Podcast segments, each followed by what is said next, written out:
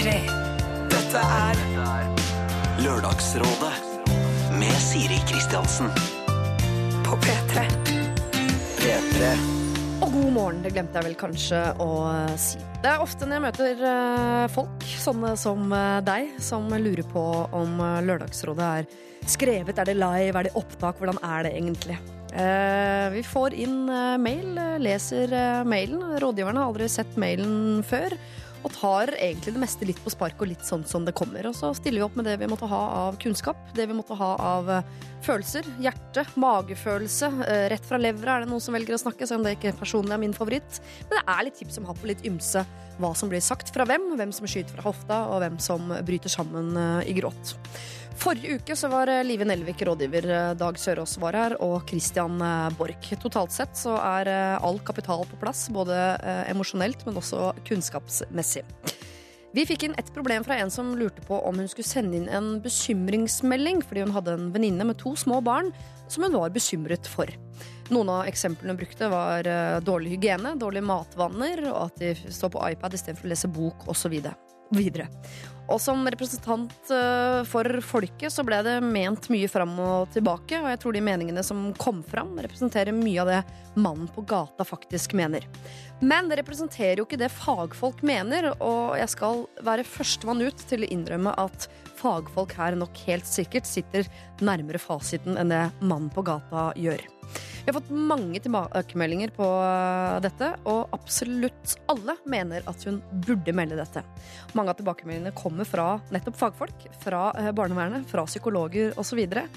Og eh, jeg ser i retrospekt at basert på eksemplene i mailen, eh, så klarte ikke jeg personlig å se noe Altså det gikk ikke noe omsorgssviktbjeller hos meg, og jeg syns at man skal være forsiktig med å mene for mye om hvordan folk løser sine ting innad i en familie. Men innsenderen ser jo dette.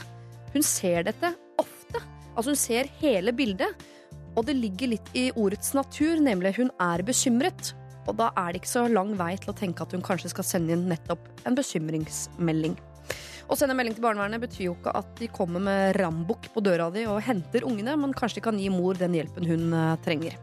Og kanskje er det sjelsettende for mor å i det hele tatt bli kontaktet, hvis det, i hvert fall hvis det er helt grunnløst, men kanskje er det også det som skal til for at barn skal få den oppveksten de fortjener. Og det må jo sies at tross alt er viktigst. Så får heller jeg pakke ned mine private bekymringer, kjøpe mindre Mariekjeks og bruke mer neglebørste på mine unger, og håpe da at ikke min nabo er eh, bekymret. Lørdagsrådet På P3. P3. For uh, ganske mange uker siden så var Else Kåss Furuseth her sammen med Christian Fredrik Mikkelsen og Mats uh, Eldøen. Og de uh, skulle prøve å løse et bryllupsproblem hvor det var et par som hadde invitert da denne Ida, som var usikker på om hun skulle gå for. Dette paret som skulle gifte seg, var egentlig et vennepar av eksen hennes. Um, men hun hadde jo blitt venner med dem, hun også. Men hun tenkte ja, hvis jeg går i bryllup, så kommer jeg til å møte eksen. Hvordan blir det? Samtidig så hadde Henrik og Ida på en måte hintet noe om at de ville blitt lei seg, og sett på det som på et slags veiskille for deres vennskap, om hun kom eller ikke. Så hun visste vel egentlig at hvis hun ikke går i bryllupet, så er det ikke sikkert vi kommer til å være, fortsette å være venner. Hvis jeg går, så kommer vi antageligvis kanskje til å være det. Men hun hadde samtidig ikke lyst til å gå. Hun ba om råd, og det fikk hun, og du skal få høre noen av dem. Lørdagsrådet På P3. Det høres litt sånn tullete ut, men jeg mener det alvorlig. Hun drar eh, og har med seg en titt. Det hørtes ikke tullete ut i det hele tatt. Da mener jeg ikke at hun skal eh, råkline med han på dansegulvet. Kan gjøre det også for å gjøre noe sånn spill, liksom, men ha en ved sin side. Eh, Leie som- inn denne personen, eller hvordan skal man Det få det på kort varsel? Det er veldig vanskelig å få leid inn sånn jeg prøvde tidligere, og det er også ulovlig Ja, ja. i noen tilfeller. Drar i det utdrikningslaget. Det er alltid veldig gøy. Kommer sikkert til å få noen nye venner der i de vennene, liksom, og da er man jo fort mye tryggere i det bryllupet. Vi vil ha stilt meg spørsmålet hvorfor er jeg her? Er jeg her for å please eh, Henrik og, og Silje. Silje? At de ikke skal bli sur på meg? Er jeg fordi at jeg har lyst på en fremtid sammen med dem? Er jeg for at jeg skal liksom komme videre i livet? Eller er jeg her fordi at jeg var redd og ikke turte å gjøre noe annet enn å komme? Dette er Lørdagsrådet På P3. P3 Ok, Det var noen av rådene som Else Kåss, eh, Christian Fredrik og eh, Mats eh, kom med. Eh, Og nå har vi fått en ny mail fra Ida, hvor hun skriver Hei igjen, Lørdagsrådet. I dag er det bryllupsdagen til Henrik og Ida, og jeg lovet dere en update på om det ble bryllup på meg eller ikke. Og her kommer den. Etter at problemet mitt gikk på radio, hørte jeg gjennom podkasten flere ganger. Det var veldig overraskende at dere alle fire mente jeg skulle gå i bryllupet. Forslaget til Else med å ta med en date ble sterkt vurdert, men ettersom jeg ikke hadde fått klarsignal fra Henrik og Silje på det, så ble ikke det noe av. Det var noe Mats sa som fikk meg til å tenke, og som gjorde at jeg endelig kunne ta et valg. Mats sa nemlig hvorfor går jeg i bryllupet? Er jeg for å please Silje og Henrik, eller er jeg for min egen del? Skal jeg være ærlig, ville det ha vært øh, plikt og fare for at vennskapet med Silje og Henrik skulle ryke. Jeg ville ikke ha gått for min egen del, og da føltes det også feil for meg å takke ja til invitasjonen. Så på tross av at jeg fikk hele fire ja fra dere på at det skulle bli bryllup, så valgte jeg å ikke gå. Jeg er ikke konfliktsky, så det var ikke noe problem å takke nei til invitasjonen, men jeg merket at Silje og Henrik var skuffa. I anledning bryllupet hadde jeg tatt meg fri en langhelg fra jobb, så denne har jeg nå heller brukt på familie og venner i min egen hjemby, og i kveld skal jeg ta en skål for Silje og Henrik, og ikke minst for Lørdagsrådet. Selv om jeg valgte å ikke følge rådet deres, syns jeg dere kom med mange gode tips, oppmuntringer og tanker i en vanlig tid. Vanskelig tid. Ikke en vanlig tid, men en vanskelig tid. For noen er det sikkert vanlig å bli invitert til bryllup hele tiden, som ikke de har lyst til å gå til. Hva vet jeg? Tusen takk for at dere tok opp problemet mitt. Det var superstas, og ga meg et stort smil på en ellers litt grå sommerklem fra Ida. Så uh, Ida, uh, jeg sier skål tilbake. Uh, du sitter kanskje nå litt tidlig på morgenen, altså å ta seg et eh, glass, men allikevel, jeg skåler tilbake og håper du får en fortreffelig helg uten å måtte gå i bryllup. Dette er P3. Vi har fått alle rådgiverne på plass, eller jeg har fått alle rådgiverne på plass, og nå er vi vi. Og rådgiver i dag er komiker Christian Fredrik Mikkelsen. Hei. Fra nå av bare Christian Mikkelsen. Takk. Mm. Mm. Eh, er du fortsatt i barselperm, Gunhild Dahlberg? Eh, nei. Nei. Så da er du programleder Ja. i TV 2, Gunhild Dahlberg. Og tobarnsmor. Og tobarnsmor på fritiden, ja. Eh, og skuespiller Torbjørn Harr. Jepp. Nå som musiker, eller? er Det Nei, det er bare noe jeg driver med sånn på, på si. Hvor er eh, skjegget ditt, egentlig? Det var veldig, var skuffende lite skjegg. Ja, det, er, blir, det går av og på det med hvilke roller jeg har. Ja, ok. Sånn er det å være skuespiller. Sånn er det å være skuespiller. Men i dette biprosjektet ditt uh, uh, som handler om musikk, Ja. spiller du instrument, eller er det stemmen som er ditt? Stemmen er mitt våpen. Ja. Uh, og jeg, men jeg, det greia er at jeg har med meg en fantastiske musikere. Ja. Som, og det er mitt motto i livet. Man bare menger seg med de som er bedre enn seg. Så det, jeg surfer oppå eh, utrolig kul musikk. Men plukker du låter du har hørt som du liker godt. Eller skriver Nei, du da det? eller? får jeg Marstad Kartberg fra Klovner i kamp Ja. til å skrive melodiene av låtene. Og så Lars Aabye Christensen skriver tekstene. Så det er liksom topplag. Så Ja. spiller vi annenhver søndag på Kunstnernes hus i Oslo. Så megapretensiøst, da. Ja, det er, det er kunst. Jo, men det var Men trenger noen som holder på med det smale greiene òg. Ja, Men du, er dette dronning Mauds land bare til 2016?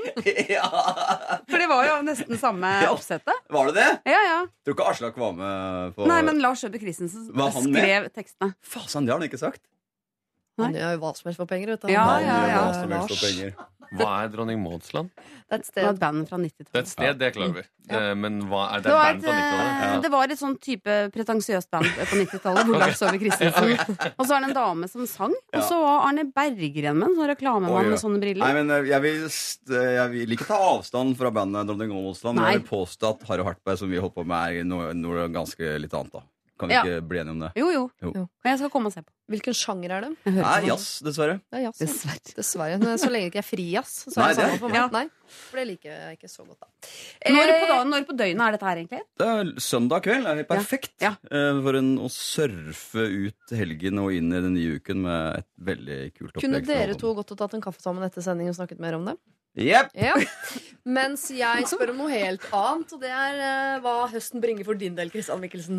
Hva høsten bringer for min del? Ja. Eh, sånn personlig, eller sånn jobbmessig, eller sånn eh, Altså Om du skal male om soverommet, er ikke jeg så interessert i. Nei, ok, for det har jeg gjort allerede. gir deg så da mulighet du til å, å reklamere for Å, ja. eh, kommende bedrift. Ja, jeg er med i en eh, Jeg dubba en film fra USA. Den kommer ut i dag, faktisk. Hæ? Ja, I dag, lørdag.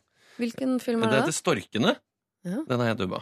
Vært med på det, i hvert fall. Herregud, så aktuell Ja, du var fryktelig eh, aktuell. veldig Ja, er det Disney, liksom? Eller Pixar? Nei, det er eller? Warner Bros. Er Warner Mm. Bros. Ja, ja. Det er de, eh, Så det håper jeg blir litt gøy. Og så eh, gleder jeg meg til å se den. Og så skal jeg gjøre litt sånn juleshow og sånn. Og være og jobbe litt her på NRK. Er du i gang med juleshow? Nei, men det kommer i november. Oh, ja, ja, ja. Ja, ja. Eh, Så jeg driver og jobber med det, og så skal jeg jobbe litt her på NRK med noen greier som kommer over våren. En Det, men det er hemmelig. Det er, jeg tror det er litt hemmelig. Og for din del, da, Gunhild Dahlberg? Ja, jeg eh, Hva skal jeg si? Jeg, eh, det er eh, Jeg vet ikke om jeg kan si det. Eh, men eh, igjen, fra det andre andre gjelder å være hemmelighetsskriver. Eh, Ja, nei, eh, jeg eh, Du skal ha med Kjendisfarmen, ikke sant? Si det. Kjendisbarsel, kanskje? Noe, sånn, noe nytt? Kjendisbarsel ja. på TV2. Nei, jeg jobber med prosjekt som kommer etter jul på Ja. TV 2. På TV2. Ja. Tøft. Ja. Mm, veldig tøft. Og din høst, Torbjørn, har vi jo snakket litt om, men Ja. siden av dette uh, bandet, så, Så er jeg tilbake igjen på Nationaltheatret nå. Begynner å prøve på et uh, nytt stykke som eh, kommer etter hvert. Er det hemmelig, eller? Nei, det er ingenting på teatret som er hemmelig. Men det kan vi snakke om neste gang jeg kommer. Ja, det blir spennende. Kan du ikke si det nå hvis det ikke er hemmelig? Hva heter stykket du skal spille i? Dekameronen heter det. En gammel gresk drama. Nå var det mye spørsmålstegn i, i rom. Det var det ingen her som hadde hørt om. Nei, men der, Vi er satser på de litt, sånn, litt, litt mer ukjente greske dramaene. Ja. eh, som var skikkelig hotte for en to, 2000 år siden. Ja. Men på sitt originalspråk, eller ble Nei, på oversatt og nyskrevet eh, liksom en slags tolkning av det hele. Men er det tror- noe vri at noen har blitt homofile eller kriminelle? Nei, Men noe? det er en dansk eh, instruktør som er veldig veldig kul, som kommer opp, og det er veldig sånn uh, iscenesatt på en sånn eh, voldsom Altså det er eh, veldig fysisk teater, på en måte. Til godt. Det er- sk- Og kjefting og smelling, håper jeg, siden det er dansk. Skal dere ha på klær? Ja! Synd. Det er. Sivil status, dere. Kjapp runde på dem. Jeg har kjæreste. Hvem er du sammen med, egentlig? Jeg har ikke fått med meg. Jeg ingen du kjenner. Tror jeg. Nei, Det du si er så det er? mye hemmelighetskremmeri her! Ja, si Fortell hvem du har kjæreste med! Naven. Navn? Ja, Hun heter Silja. Hvor møttes dere? På videregående. Oi! Hæ? Er du sammen med din videregående kjæreste? Det er ikke så lenge Eller var du lærer, hun elev? Ingen kommentar. Ja. Ingen kommentar. Hvilken videregående gikk du på? Eh, handelsgym. Hvor er den, egentlig? I Oslo. Oslo Ja. handelsgym. Og ha, eh, hvordan møttes dere? Liksom, hvordan fant dere sammen? Eh, akkurat det Det begynte med at vi tok en kopp kaffe på Deli de Luca eh, på eh, Karl Johan. Nå, Mm. gosh, første... Så så satt vi oppe i andre etasje og spiste Har de en is. andre etasje på Deler Luca? Det har de. Den er veldig eh, flittig brukt av videregående-elever. Ja, Hvilken Eh. del i de Luca er det her, egentlig? Eh, Karl Johan. Det sa han. jo. Han. Ja, men jeg kan ikke komme på noen del i de luka på Ja, Ja, i ja. Hvis du står på hjørnet ved Grand Café, ikke sant? Så ser du rett der. Er det, et kafé Ja, oppe det er en andre etasje. Sykt bra. Men hvem var det som Så lurte om vi skulle gå kaffe. Nå, Gunnhild, det er ikke du som er programleder. Nå må du eh, huske at vi nå er på besøk her i NRK. Ja, men jeg er sitter her på ræva ut igjen tilbake til TV 2 hvis det blir for vanskelig. Hva er din sivile status? Jeg er sammen med Christian Alfsnes. Han er jo seks år yngre enn meg. Er det han uten hår i Dance for a Stranger? Han er ikke seks år yngre. Er det sånn, Skal vi bare name-droppe 90-tallsband i dag, eller er det den Det er dagen? det vi driver med. Kred-band fra tider du ikke har hørt om. Jeg var på Belcanto-konsert her eh, for et par dager siden, faktisk. Og Mari Boine var hesteartist, faktisk. Det var veldig spennende. Ja, og dere Ja. har to små barn, har dere ikke Ja. det? Ja. Bor Eh, Rett ned i veien her. eh, Ti steinkast. ti steinkast. Ti steinkast, Hva vil det si? ja. Eh, Ti minutter, fem minutter med sykkel. Okay, ja. Kvarter å gå. Mm. Det er lange steinkast. ja. Og- Åssen er det med deg igjen, Torbjørn, på? Gift, tre barn. Gift, tre barn. Tre barn? Ja, ja. Ja. Nå, nå begynner jeg igjen. Nå har jeg masse spørsmål. ja. Ja. Skal jeg ta under låta? Dere, dere skal få lov til å gå fra det å stille spørsmål til å svare på spørsmål. Dere skal gi gode råd fram til klokka tolv eh, i dag. Um, vi skal eh, straks allerede gå i gang med en fyr som er veldig redd for å gå i fella igjen. Jeg tipper noen av dere har gjort det. Gått på en smell med eksen osv. Spar det. Jeg vil ikke vite det før etter at vi har hørt Lars Vaular med Rett opp og ned.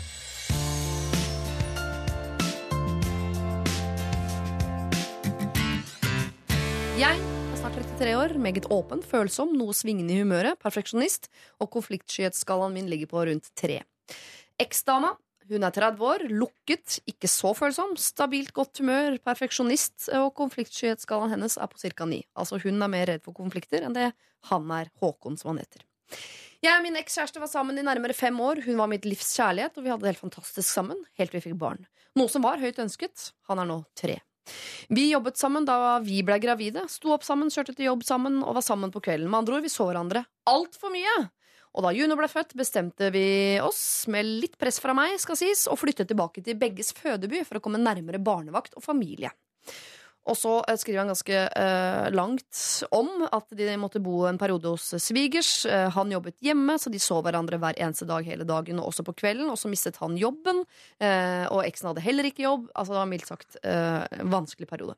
Jeg holdt på å bli gal, og lunta mi var kortere enn en sigarettsneip. Hun fikk seg jobb etter hvert, og, ble, og jeg ble stay at home dad. En dag kom hun hjem fra jobb og sa dette gidder jeg ikke mer. Jeg var enig der og da, og vi bestemte oss for å selge hus og gå hvert til vårt. Og så går det litt tid igjen. Eh, De prøver på nytt. De prøver å være sammen, dra på ferie sammen. Ting ser lysere ut, og videre. Men så en dag så tar Håkon eh, og ser på iPaden, hvor det tikker inn en melding fra en elsker. Og det viser seg at da denne kjæresten har hatt forhold, eh, et forhold hele denne perioden. Og det ble et brudd på nytt. Nå har det igjen gått ni måneder uten noe særlig kontakt, så jeg har begynt å slå meg til ro med singeltilværelsen, og jeg har sønnen min annenhver uke. Men så for noen uker siden kom hun til meg og sa at hun hadde tenkt litt, og ville at vi skulle prøve igjen for juniors skyld. Hun har slått seg til ro i sin egen leilighet og liker ikke å se han så sjeldent, og hater den uka han ikke er hos henne. Jeg sa at det er jo det jeg innerst inne vil, men jeg er livredd for en reprise fra forrige gang. Vi har nå prøvd litt, og hun er fortsatt veldig tilbakeholden og gir meg ikke den oppmerksomheten jeg trenger. Jeg har prøvd å ta det opp med henne ved flere anledninger, og hun sier bare at jeg tenker for mye og må ta meg en chill-pill. Jeg har sovet hos henne to ganger og ikke fått så mye som en nattakos. Hva skal jeg gjøre, sa jeg Lørdagsrådet. Hva skal eh, jeg bare gi det litt tid og overse mine egne behov og håpe at hun etter hvert smelter eh, mer eh, og mer, eller skal jeg sette ned foten og risikere at hun forsvinner med en gang? Hilsen Håkon. Jeg vet det er mye dere ser ut som de samme spørsmålstegnene som dere gjorde i stad når dette greske skuespillet ble nevnt. Dekameronen. Dekameronen, men ja. Men er det det gresk for dere? se, Skjønner men- dere? Nei, jeg tror det er en litt klassisk situasjon, høres det ut som. Det høres ut som Men- noe som kunne satt, bli satt opp på Nationaltheatret. der. Ja, det kommer etterpå, etter det greske greiene, så setter ut dette. Eh, men nå, bare for å ta det kort, det siste som har skjedd, er at hun har sagt kan vi ikke prøve en gang til etter at hun var utro i runde nummer to. Mm. Så kommer hun tilbake, kan vi ikke prøve, hver sin prøve en gang til? Så sier han ok. Men når de prøver, og liksom er kjærester igjen, da har han bare overnattet hos henne to ganger, og da har det ikke vært noe som helst fysisk eller noe som helst sånn kontakt. Ikke så mye som en nattakos? Eh, Så det høres jo litt rart ut etter tredjegangsforholdet som de nå er inne i, hvis det er helt eh, uten noe som helst kjærlighet og fysikk, for å kalle det sånn. Ja, men tror du hun kan smelte etter hvert? Det spørsmålet. Kommer hun til å Er det det han lurer på? Ja. Skal han gi det litt tid, så hun smelter litt etter hvert? Eller skal han sette ned foten? Jeg synes eh, det en, som, en ting som funker kjempebra eh, på mange, er jo å være hard to get. Han må si dette her eh, Eller han må ikke burde, ifølge meg. Si 'dette her gidder ikke jeg'. Eh, vi lever sånn som vi har levd. Eh, hver for oss har ungen annenhver uke. Da kan man sikkert flekse litt. Eh, og da vil hun kanskje etter hvert smelte. Kanskje. Eh, men hvis han ikke er så opptatt av å spille spill, så er mitt forslag å kjøpe en tomannsbolig. Hvor de kan bo på hvert, eh, i hver en bord oppe eller nede eller høyre eller venstre. Og da kan ungen gå fram og tilbake, og så vil de kanskje etter hvert bli venner og kanskje begynne å ligge sammen. Men å starte et forhold eh, uten klemming, det syns jeg hørtes veldig tørt og kjedelig ut. De må først begynne å ligge sammen, og så kanskje snakke. Ja, Det det må være noe passion der. For jeg, hører, jeg var litt redd for at det skulle henge dere veldig opp det, det fysiske og det seksuelle og sånn, men, uh, Ja, men, det er men noe henge seg, er jo kjempeviktig. Ja, men det er litt rart. Altså, det at hun ikke engang orker å klemme han, betyr at hun egentlig ikke orker han. Hun bare har han der fordi eh, det livet virker lettere når hun, har, når hun tenker på det sånn i forhold til at sønnen skal bo der. Men Ja. hun må jo også ha lyst på han, og det har hun jo ikke nå.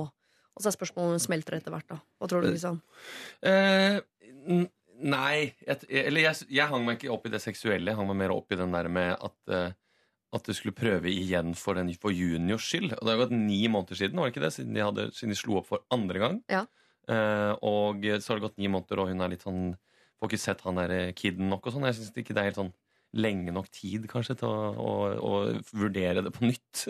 Når du skal ta det opp en tredje gang. Eh, så det med at det kan smelte og sånn, men eh, er det så lurt å prøve igjen, også for kiddens skyld, som må gå gjennom det der bruddet enda en gang? Ja. Og så virker det kanskje ikke som om han har så mye hva skal jeg si, lyst til å være fysisk med henne heller.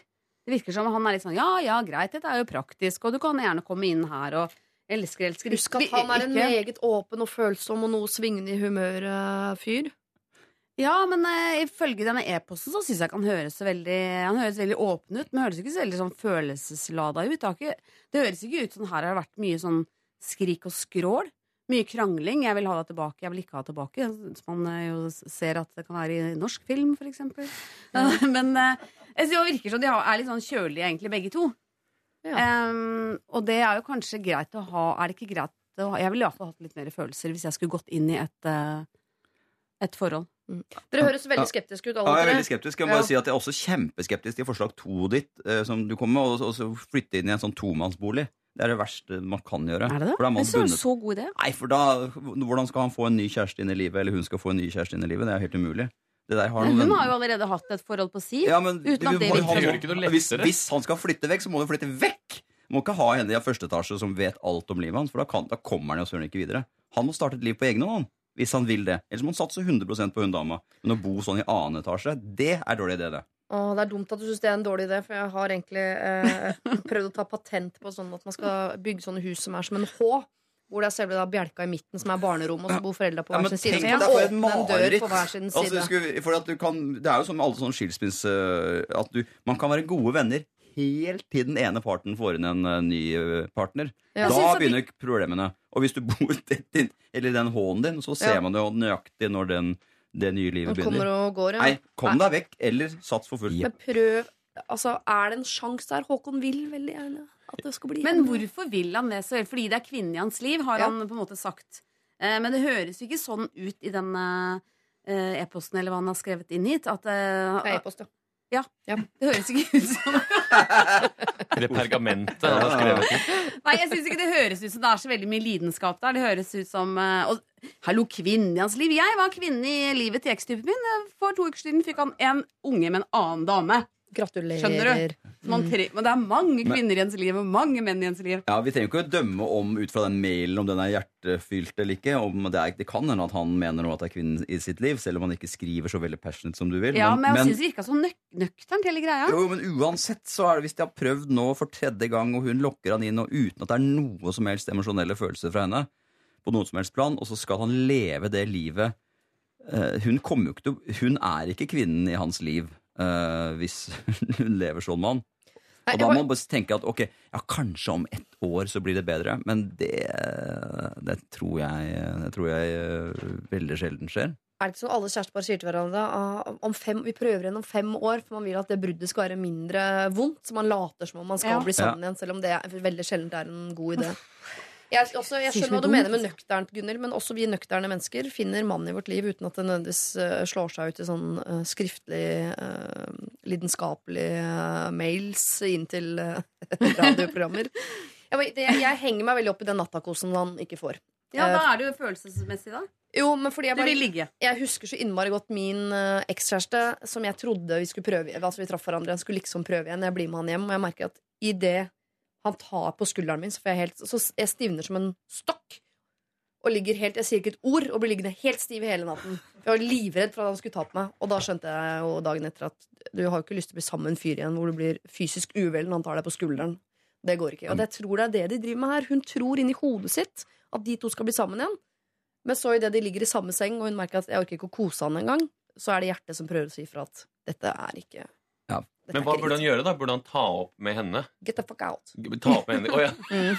Unnskyld, kan vi sette oss ned og Get the fuck out! Jo, men altså, ta opp med Get the fuck out! Eller skal de prøve å ligge sammen for å se om det Nei, da kan det bli et barn Der- til. Det var litt dumt, da. For det er veldig vanskelig for han å foreslå etter at hun har ligget og ikke fått en eneste nattakos, så kommer han neste dag. Kan vi ikke prøve å ligge sammen, da?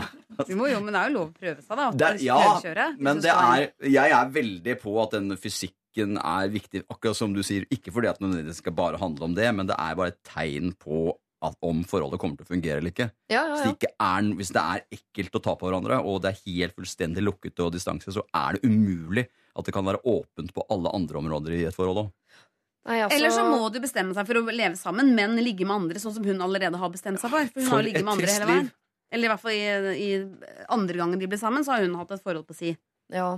Det hørtes ut som han elsket det, det konseptet der. Det Nei, nei, men noen lever jo sånn, Også, da. men er det ikke Men, sånn eh, også, bare for å for for, barnets skyld? Hvis det Hvis. For barnets skyld, for da skal jeg bare si noe for, så man må huske på som han for, eh, Jeg tror, jeg vet ikke om dette er forskning eller ikke, men i hvert fall Legg det fram som Ja, det, legg det fram som mange forskere, inkludert uh, min egen hobbyforskning, mener at jo, hvis du er sånn enk hvis du, jo yngre barnet er, jo egentlig lettere er det for barnet at foreldrene blir skilt.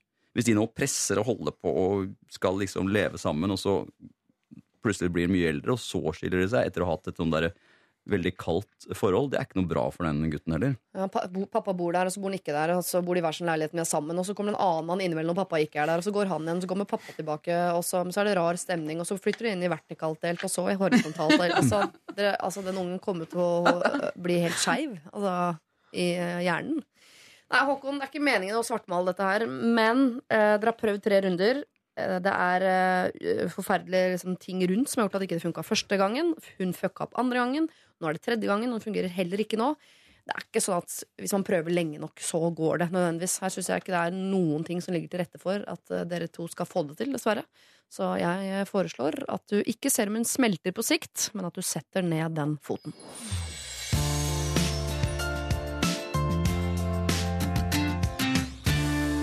Jeg har et lite dilemma jeg gjerne skulle hatt litt hjelp med. Jeg, veldig, jeg har en veldig hyggelig svigermor. Hun er i midten av 50-åra, enslig, utadvendt, sosial omtenksom, og en veldig flott dame. Hun tror det beste om alle og har en positiv innstilling til livet. Nå har det seg sånn at jeg har brukt Facebook til å distribuere bursdagsinvitasjoner til mine venninner, en gjeng på 20 jenter som er i midten av 20-årene. Planen er middag, ute og påfølgende bytur. Ved en feiltagelse har jeg altså klart å invitere svigermor til dette arrangementet. Dette fant jeg ut da jeg fikk en notification hvor hun kommenterte at hun gledet seg masse til feiring. Hun er som sagt en herlig dame, men settingen blir litt rar både for meg og for henne, vil jeg tro. Jeg har bare kjent henne i et år, så jeg er litt usikker på om kommentaren hennes var ironisk eller oppriktig. Jeg har forsøkt å forhøre meg med min kjæreste, men han sier han bare er usikker, og at jeg kan takke meg sjøl for at jeg er så sløv. Mitt dilemma er da la svigermor være med på feiring, eller konfrontere svigermor om at hun ble invitert ved et uhell. Jeg vil nødig såre henne, da jeg kan se for meg en fremtid med sønnen hennes. Håper dere kan hjelpe meg der i Lørdagsrådet. Hilsen Trine. Å, perfekt Trine Trine har gått på en smell. Trine har gått på en smell. Det er jo fort gjort når man sitter foran tastaturet da, og trykker litt uh, feil. Ja. Jeg har gjort det sjøl, jeg. Jeg skal invitere til dåp eh, til, eh, til uh, sønnen min. Og da eh, Inviterte du svigermor ved et uhell? Nei, nei, det var faktisk en venninne i den ytre gjengen. Så hun skrev at hun gleda seg, og hun skulle komme med sin mann og sine to barn. Mhm. Og da måtte jeg skrive sånn veldig kjapt tilbake. Sorry, gikk litt fort i svingene her. Du er ikke invitert. Men mannen og barna må gjerne komme. Men jeg Hvordan tok hun det, da? Ikke, du skal, Å, ja. men, Takk. hvordan tok hun det? For da har du erfaring. Hun sa det er greit. Aldri sett henne siden. Jo. Ja, ok. Ja. har det, altså. Da gikk Men, jo det eh, bra, da. Det gikk bra. Ja. Hva du? Men liksom? det var ikke svigermor, for svigermor er jo li For hun, Jeg tenkte kanskje at hun som jeg inviterte, syntes det var litt rart at hun ble invitert. Hvis du skjønner, Hun var ikke så nærme at hun skulle bli invitert i dåp.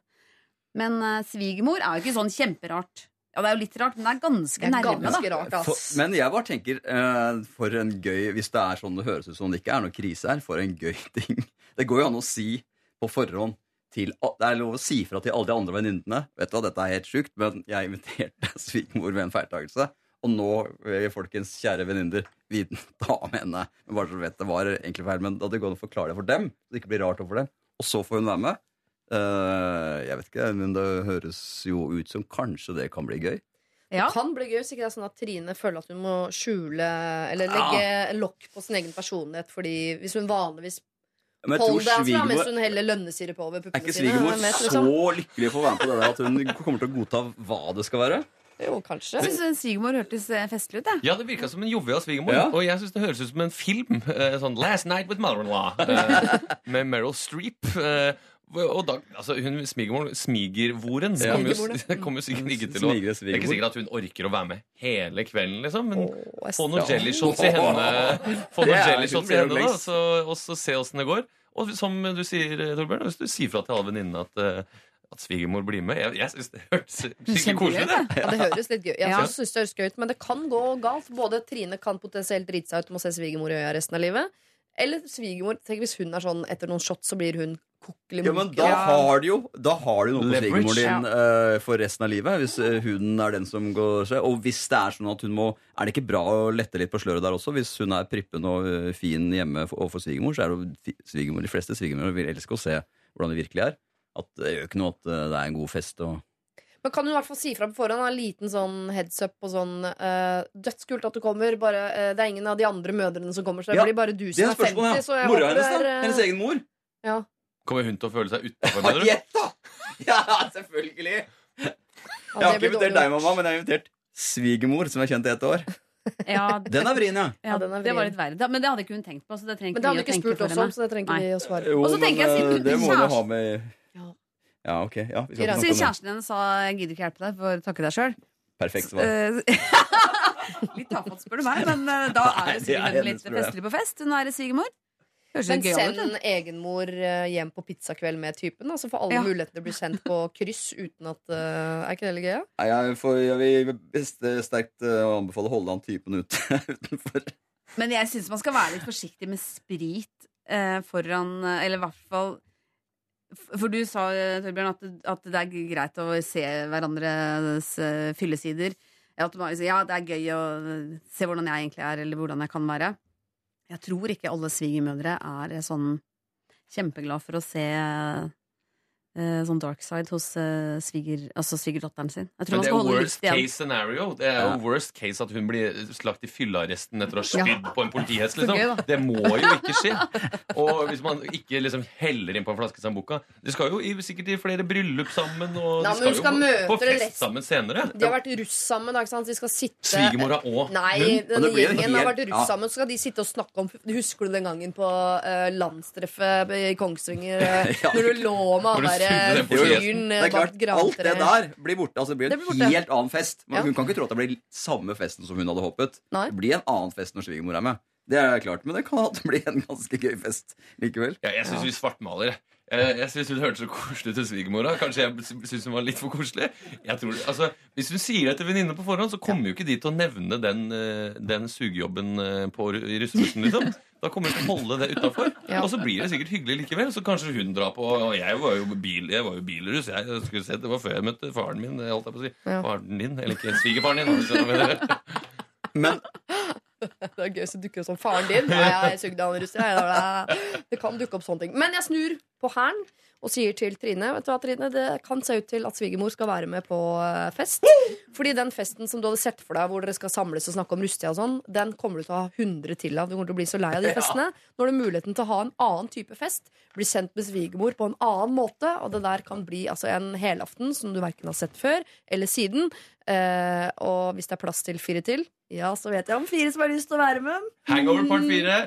Men eh, er det festen i dag? Eh, kan Send gjerne inn hvordan denne festen gikk. Ja, gjør det. Jeg alt. Lørdagsrådet med Siri Kristiansen. På P3. P3. Kjære Lørdagsrådet. For en tid tilbake endte jeg på legevakta. Det sto ikke om liv akkurat, og sykehusinnleggelsen var heller ikke på agendaen, men det var blod, og det var røntgen, og det var kutt, og det var sting. Flere, faktisk. Da jeg ble blek om nebbet, ringte jeg min samboer gjennom fem år for trøst og omsorg. Men han syntes ikke eh, at dette var noe han trengte å komme styrtende til unnsetning for. Jeg var helt overbevist om at han ville komme ilende for å holde meg i hånda, men det gjorde han altså ikke. Han forsikret seg riktignok om at eh, jeg ikke var i noen stor fare, men utover det var han ikke spesielt interessert. Vakthavende lege denne kvelden trodde eh, etter hvert at jeg var livredd mitt eget blod, eller var nedbrutt, over at det kom til å bli synlig arr, ettersom jeg var så trist og tårevåt. Men tro meg, det var ikke de synlige arrene lille Lerkefugl, altså meg, gråt over snufs. Jeg mener det er en selvfølge at ens bedre, eller i dette tilfellet verre halvdel, kaster det man har i hendene, kommer straks for å trøste og bære og overøse kjæresten med oppmerksomhet i en sånn situasjon. Min samboer er uenig og mener at denne situasjonen kan sammenlignes med det å hente kjæreste på flyplass hver gang man kommer flyvende fra København eller London. Altså uaktuelt. Her må jeg skyte inn at jeg ikke har for vane å ende på legevakta, og at dette således ikke var noe hverdagslig hendelse. Det var heller ikke snakk om en uh, alkohol- eller festrelatert ulykke, om det skulle ha betydning. Det hele inntraff heller ikke midt på natta eller mens han var på jobb, men i sofatid på kvelden. Han hadde på ingen måte noe bedre å ta seg til. Eh, eh, jeg mener at min samboer utviste mangelfull utviklet empatievne, mens han mener at jeg lider av hysteria grandiosa. Så lør- Lørdagsrådet er det pliktig oppmøte på legevakta når kjæresten har havnet der. Hilsen anonym. Vi kaller henne Gitte. Eller Gunhild Dahlberg. Vi kan kalle henne, kan kalle henne Gunhild. jeg Jeg gjør om til Gunhild, ja. ja. Kunne vært meg. Ja. Og jeg er så enig med Gitte. Jeg har eh, faktisk øh, opplevd det her to ganger. Ringt typen min i sånn øh, Jeg har vært på legevakta, kutta opp ansiktet, har sydd fire sting, har nå hjernerystelse. OK! Øh, jeg sjøl, og så videre og så videre. Ja. Jeg er sammen med en sånn fyr. Som jeg, altså, vi pleier å krangle om at han ikke har empati. Ellers, Men eh, vi elsker hverandre høyt. Eller iallfall jeg elsker han høyt, til tross for denne svakheten. Men Han elsker ikke barna. ja. Han elsker ikke barna. Jo, men ikke når du er på legevakten. Nei. Nei. Men man kan elske jeg høyt selv om man ikke har empati. Ikke sant? Ja, For det er jeg- ikke det samme. Nei, er det ikke det? Nei, Man kan elske selv om man ikke har empati. Ja, Så jeg mener ja. Men man kan være sammen sånn idiot allikevel. Så du mener, du mener at hun må bare godta at han er sånn, og håpe at hun ikke kommer så mye på legevakta framover. Fordi jeg mener at dette her er et signal om ok, nå var det kutt i fingeren. Eh, om ti år så kanskje du møter veggen eller får en, eh, en alvorlig sykdom. Er han en sånn type som stiller opp da, eller må du hva, gutta si noe. Jo, jeg ble ble usikker. øh, Det høres jo ut som det hadde vært lurt å dra ned der en tur hvis han, hvis han satt, satt og så på TV i sofaen. Liksom. Ja, hvis det det ikke var en eneste unnskyldning. Hadde Så- du gjort det? Ja, ja, det hadde jeg. Ja, det er kjempebra. Men, uh, Syns jeg. altså. men det spørs jo også når hun har lagt det fram. Det er jo av og til at damene sier sånn Nei, ikke- trenger ikke å komme, det er ikke sånn. Og så betyr det egentlig Kom for svarte. Så det spørs jo hvordan hun har lagt det fram selv. Men Men da vet Ja. du jo som mann at selv om det ikke, ikke kom, så må du komme allikevel. Nei, det Da har du stille opp. ja, Nei, det mener jeg ikke. Nei. Nei. Jeg, Det, det derre underfortalte kvinnegreiene, det mener jeg da, da må man si, si, si Vil du jeg skal komme? Si ja eller nei. Og da, Ja. Hvis du sier ja, så får du komme. Da, hvis Ja. det er sånn du trenger Hvis man ikke bruker hinting eller omvendt psykologi som kommunikasjon, så Ja. kan man takke seg sjøl de gangene det går dårlig. selv. Men- det Men jeg lurer på, hva er hennes problem? Hva er spørsmålet her? Hun er redd for framtiden, fordi hvis han har manglende empati ved kutt i fingeren nå, hva så senere i livet? Kommer han når hun skal føde? Kommer han når hun uh, ligger for døden? Eller skal han da også se på Sopranos uh, igjen? For fjerde gang. Ja, altså, Kristian, hva hadde du gjort? Hadde du eh, satt deg på tjuvbussen ned, eller eh? Jeg, jeg, hadde satt meg på tjue- jeg hadde satt meg i en taxi, jeg tror jeg. Ja, ikke sant? Ja. Her har vi en helt. Jeg har vært på legevakten midt på natten. Med Eh, dama di? Med dama mi. Hva skjedde med henne da? Det, tror jeg ikke, det, det kan vel være usagt. Det var ikke noe som var farlig, men det gikk greit. men det var ikke din skyld. Det var ubehagelig, rett og slett. Det var ikke min skyld. Og det var ikke fyllerelatert heller. Eh, men, uh, men jo, det, det er jo litt sånn hvis det, jeg skjønner, hvis det hadde vært flere ganger, og hun stadig vekk var en, en type som pådro seg et kutt i fingeren eller brukket kravebein Det var kanskje litt verre hvis det hadde vært brukket kravebein. Men det hadde blitt en det sånn ulv-ulv-situasjon. Men det Ja. hørtes jo ikke ut eh, som det heller. Du har ikke for vane å være på legevakta, sier hun. Nei, så da er det jo litt virka som en les. Eh, Nå er vi alle litt sånn enige i det, da. Men at han virka som en litt slapp fyr. Men Ja. det trenger jo ikke bety nødvendigvis at han er en, en veldig lite empatisk fyr. Det kan jo hende at han bare ikke på en måte skjønte helt alvoret i eh, hvordan det var for henne. Ja, kan det hende han bare er en veldig sånn praktisk anlagt type. Sånn, du har kutta deg fingeren, det er Ja. leger der. Som kan si, det er, jeg kan ikke stille opp med noe som helst. Du kommer snart hjem, da skal jeg klappe deg på hodet, og dette går over. Ja, men, ja, ja, altså, det er jo ganske klart at det var, høres ut som litt dårlig stil, det der. At det var, han burde ha dratt ned dit. Det er ikke noe tvil om. Men hvis spørsmålet er skal jeg være sammen med denne mannen øh, fordi han ikke kom ned på legevakten, så syns jeg det er øh, det er ikke det som skal avgjøre om du er sammen med han. For da er det sånn ok, jeg er sammen med en fyr som er sånn, som ikke kommer ned på legevakten der.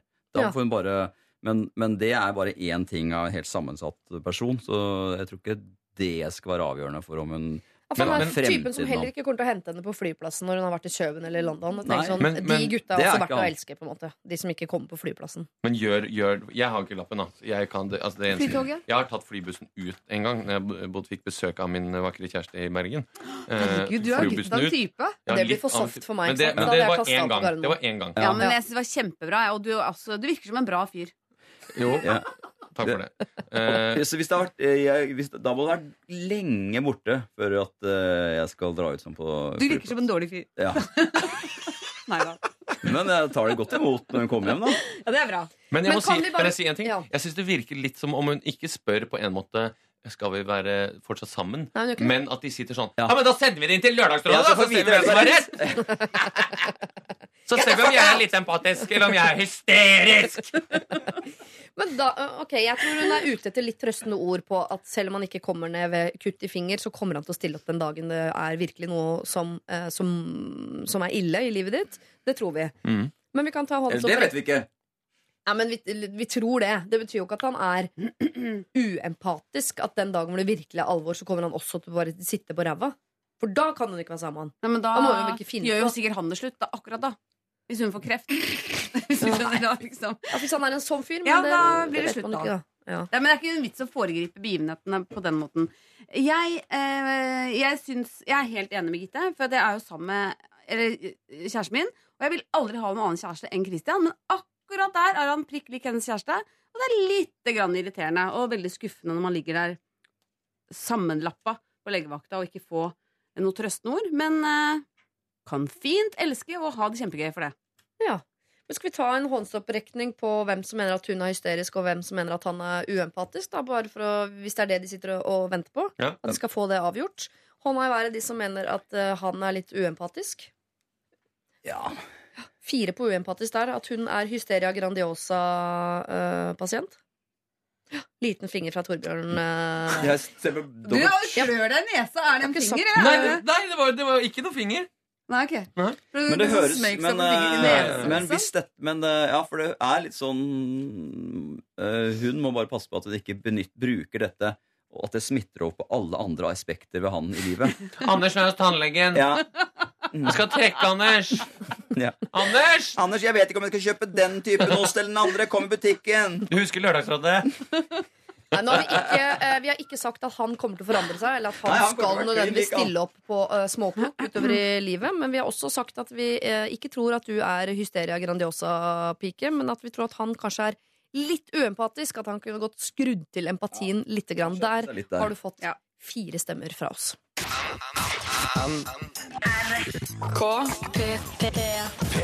P3. Dere vi skal ta et problem som eh, jeg ikke har vært borti her i Lørdagsrådet tidligere.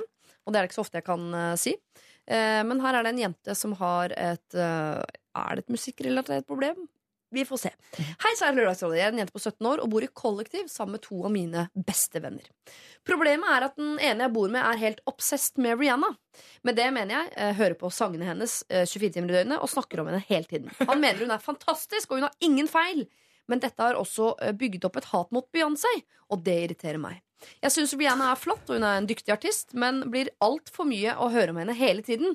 Vi har sagt ifra om at det blir for mye av og til, men det har ikke blitt noe bedre. Hva kan vi gjøre for å redusere overdosen med Rihanna? Jeg blir også lei meg overfor Beyoncé. Hun er jo flott, hun også. Klem jente 17. Altså Her har vi en slags krig mellom Rihanna og Beyoncé, og da er vi nødt til å vite eh, hvem dere har som favorittartist før vi går inn i diskusjon. Eh, Torbjørn har Rihanna eller Beyoncé? Jeg Ikke si at ikke du vet hvem det er. er ikke Jeg vet hvem det er, men jeg er ikke helt sikker på forskjellen på dem. Nei. Uh, Come rude boy, boy, to get it up. Come rude boy, boy, to get it up. Liker du den sangen? Mm. det er han. Jeg liker Beyoncé. Da liker du Beyoncé. Uh, Gunhild, hvem liker du best? Åh, det syns jeg var et veldig Kan ikke du synge en Beyoncé-sang også? Jeg vet det. Eh, kan, uh, hvilken da, holdt jeg på å si? Jeg kommer ikke på noen akkurat i farta ennå. Kanskje like greit, fordi Ikke gjort annet. ja. To the left. To the left, To left, to the left. Everything on in the box to the left. Den har jo Espen Lind skrevet. Ja. Den elsker Torbjørn. Den elsker jeg. Ok, Nei, jeg, jeg måtte ha betenkningstid. Jeg Christian, Nei, hadde-? Eh, jeg går for uh, Beyoncé. Gutta tar Beyoncé, altså. Mm, det Men det. er fordi vi vet for mye om Rihanna. føler jeg Vi vet for mye om Rihanna. Rihanna. vet at det er ikke nok om Rihanna. Og jeg vet ikke nok, ja. Nei, men, uh, Har du tenkt, Gunhild? Jeg klarer ikke å velge. Du elsker Jeg hører mest på Beyoncé, men jeg- før hørte jeg mest på Rihanna. Ja. Så vi har, to, eh, vi har, vi har tre, tre for Beyoncé, og jeg står jo veldig hardt på Rihanna her. Åh, bra! Ja, Du Ja. liker jo ikke Beyoncé Jeg engang. liker- er Hater du. Beyoncé? Jeg liker ikke én sang av Beyoncé. Jeg skal si liker en ting alle sangene til Rihanna. Alle. Men- jeg, har hørt, jeg har ikke hørt på CD-en hennes, jeg hører bare det som går på radio. Sist jeg snakka med deg, Siri, det er tror jeg kanskje to uker siden. Ja. Da møtte jeg deg utafor huset på, på privaten, liksom. Ja. Og da sa du ikke riktig Beyoncé. Ja. Jeg har faktisk tenkt på det i etterkant. Jeg ble nesten litt sur på deg. Jeg var nesten litt sur på deg Men er det en feide mellom Rihanna og Beyoncé òg? Hater de hverandre? Rihanna og Beyoncé? Og de elsker hverandre, de, de to? Nei, det, jeg vet ikke om de elsker hverandre, men det er ikke noe Sikkert venner. de, Herregud, det er jo sist, ass. Ja. Nei, jeg tipper de aldri, jeg tipper de aldri har møtt hverandre. Vi snakker nå veldig mye om vårt eget forhold til Rihanna og Beyoncé, for vi klarer ikke helt å komme til bunns i dette problemet. For vi, eh, hva er altså, du, du bor sammen med en som hører på Rihanna Mm. hele tiden, Hele tiden. og, og eh, også æreskjeller Beyoncé. Mm. Eh, ekstremt irriterende eh, for disse to andre som bor der, for de er glad i begge. Ja. Spørsmålet er, hva skal vi gjøre for å at han skal høre mindre? Hva kan vi gjøre for å redusere overdosen med Brianna? Flytte? Flytte er et konkret tiltak. Ja. Ja. Be han flytte? Be han flytte er et konkret tiltak. Skaffe seg ørepropper. Mm, ørepropper, Mm. Eh, Hodetelefoner. hodetelefoner. Men det høres jo litt gøy ut å bo i et kollektiv hvor det er, hvor det, er det de snakker om hele tida. Det er jo masse sladder og info. Jeg sikkert, følger sikkert veldig de, eh, disse to stjernene her tett. Og det, de lever mye mer spennende liv enn for eksempel eh, deg og meg.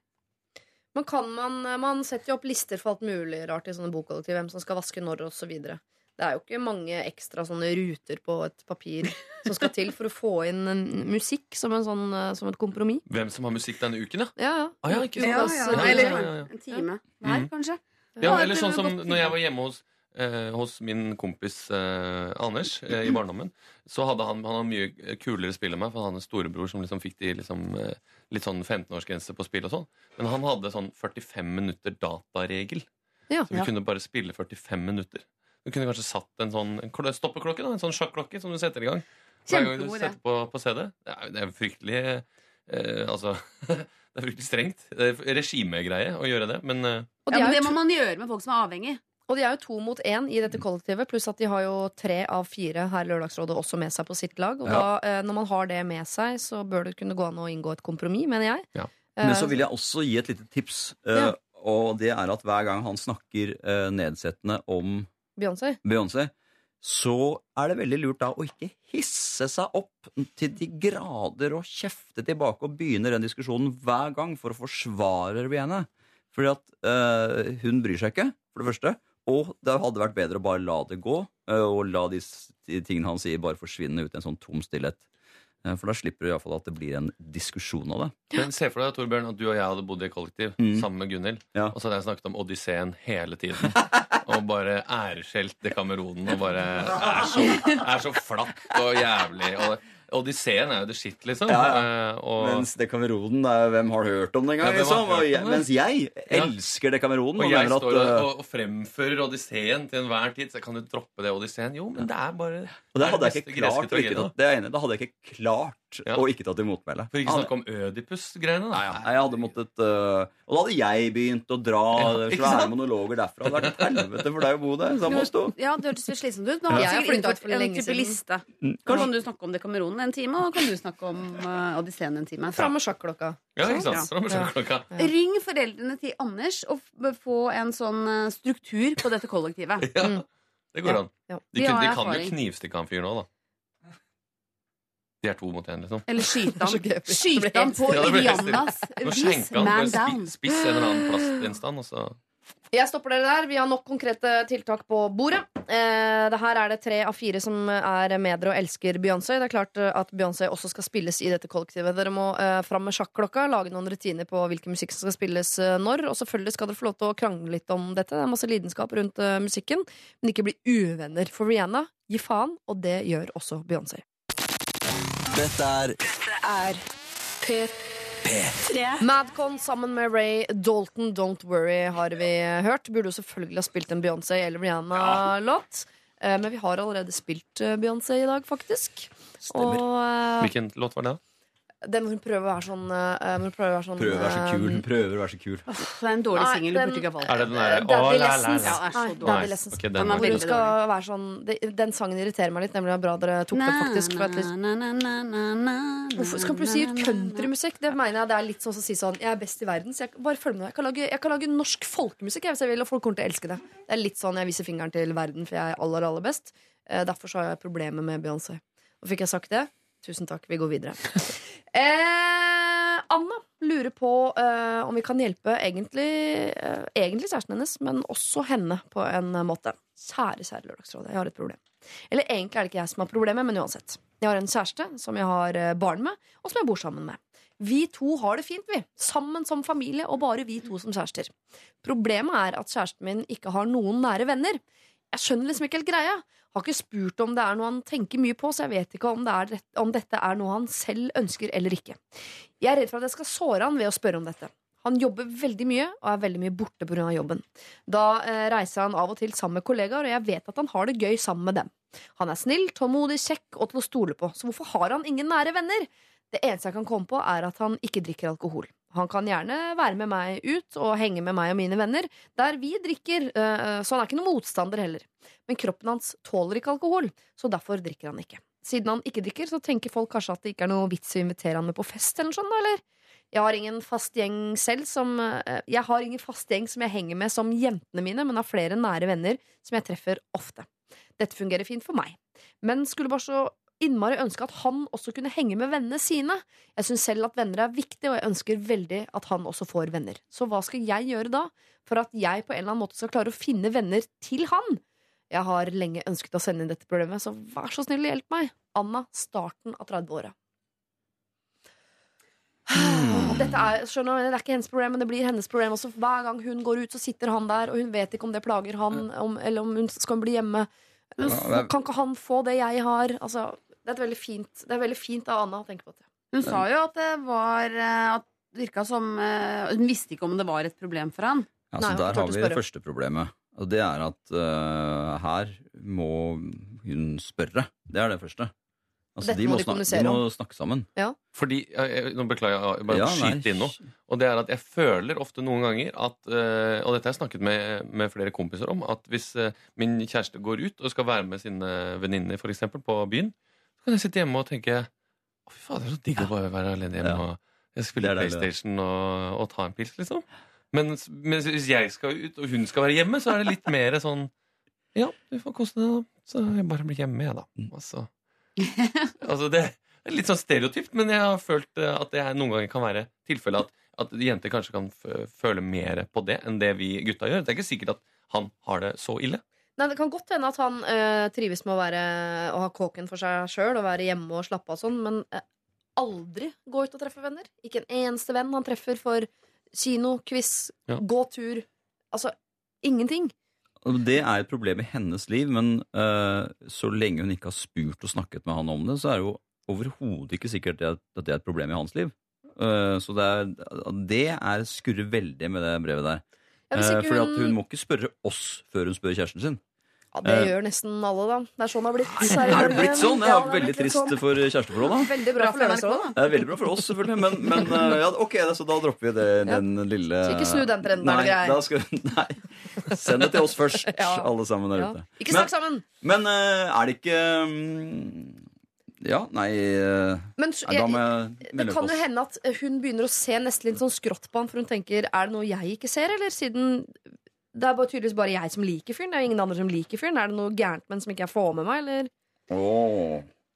Ja, men jeg synes Det virker som hun vil at han skal ha venner, sånn at hun skal få lettere samvittighet når hun går ut. Jeg, eh, du sa jo her at det, du følte at det var digg å sitte alene hjemme, og at jenter er sånn ut. I Nei, men en gang iblant. Ja, men hjemme hos oss er det motsatt. Kjæresten min er den sosiale typen. Jeg sitter veldig gjerne Mm. alene hjemme på hvilken som helst kveld, og gjør det jeg gjør når jeg er alene. Hva er det? Hva er det, da? Veldig spennende. Slapper av. Men er det sånn at han reiser mye i jobben, sier hun? Ja. Og er masse sammen med folk da? Ja. Det er jo klart at da er det jo øh, kanskje litt mindre behov for å være sammen med venner når man er hjemme. da. Ja. Hvis det er sånn at han er en traveling salesman, eller hva det heter. Hvis de kan jobbe som leiemorder, da, for det tror jeg er veldig ensomt. Det er et ensomt yrke. det. Ja. Ja. Så ikke du får en sånn veldig søt liten jente som har sett foreldrene sine bli drept nede i gangen. Da. ikke sant? 90-tallsreferanse! Mm, Jeg ja, elsker ja, ja, det. ja. Jeg elsker det. Men eh, nå driver jeg og legger til problem som jeg ikke veit er her. Men i og med at hun ikke har snakket med han og ikke vet om det i det hele tatt er et problem, så er vi jo nødt til å prøve å tenke gjennom hans uh, hode. Han Så sikkert kanskje det er Men- slitsomt å gå ut fordi det ofte drikkes, og Ja, han ikke drikker. Da synes syns han jo at folk er idioter, antagelig. Ja, og det, men det syns jeg at det, det merket uh, er, Det er et problem at det er sånn at hvis du ikke drikker, eh, så er det sånn at folk, og meg selv inkludert, blir litt sånn Man blir litt, litt skeptisk til de folka. Ja. Og det, det, det er så dårlig. Men Blir du Eh. skeptisk til de, eller blir du skeptisk til at å, du er et sånt edru vitne til hvor idiot og apekatt jeg blir når jeg får Nei, det håper jeg at det ikke er. Okay. Men det er bare et eller annet sånn å, ja, ja, så, Og det blir alltid sånn tema for folk som ikke drikker. Ja, Eh, slitsomt for de. Ja, det er veldig slitsomt for de, og veldig dårlig av oss andre.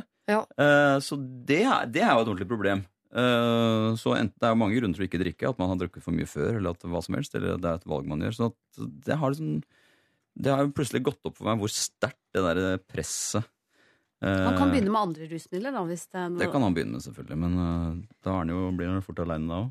Men Ja, først, ja. det, det vi vel alle anbefaler her, er at du må snakke med han om det. Og spørre om For Hvis dette er noe han er helt 100 komfortabel med, ja vel, så slipp, da slipper Anna å gå og bekymre seg for dette.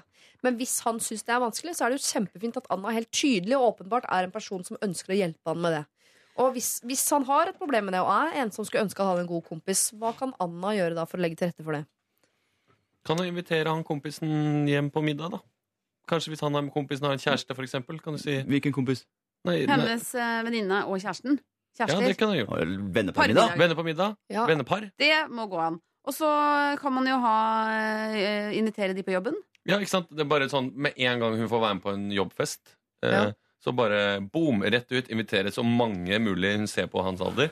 Du, kom til oss, da! Vi skal ha sånn liten sånn tapasmiddag. Eh, bli med. Å, For et Og så bare mareritt. 20 Hvis- stykker. For en mareritt hvis kona mi hadde vært med på sånn jobbfest og gått helt vilt og invitert folk. Så masse folk jeg overhodet ikke var interessert i å være sammen med på privaten. Plutselig skal de hjem liksom Alle fire ganger etter hverandre. Nationaltheatret. Oi, oi, oi. Det hadde, nei, det hadde ikke Nei, det, det må vi ikke gjøre. Men hvis du først snakker om dette her, så kan du få noen indikasjoner på om det er noen på jobb han kunne tenke seg at de inviterte hjem, eller om Ja. det er noen av hennes venner han syns er ekstra hyggelig å være sammen med. Så kunne de hatt en brettspillkveld som ikke da nødvendigvis inkluderer liksom eh, jelly shots-konkurranse på slutten osv. Men man legger liksom til rette for noe, noe sosialt som er i litt sånn mindre settinger og ikke så mye alkohol og Men er det ikke det? Men det høres, nå høres det ut som du sier at problemet er at de to ikke er sammen med andre mennesker. Og det er ikke det hun sier. Nei, men hvis Hun hun, ønsker å hjelpe han, så kan, er jo ikke vits å døtte fremmede menn inn i leiligheten mens hun pigger av gårde på sine det venninner. Altså, hun må jo være med. Det er veldig rart. Nei, da, men. Venneparløsningen er jo mer, mer reell, er det ikke det? da? Jo. Altså, Hun inviterer en venninne av seg, og så kan vi se om man finner tonen. Hvis det, er, hvis det kunne vært en løsning. Jeg prøver å være konstruktiv her. Ja, ja, det. ja. Det er. Det er som å spleise sånn Ja, de to er single, de kan vi spleise. Men her er det ikke sånn. Mannen min liksom og,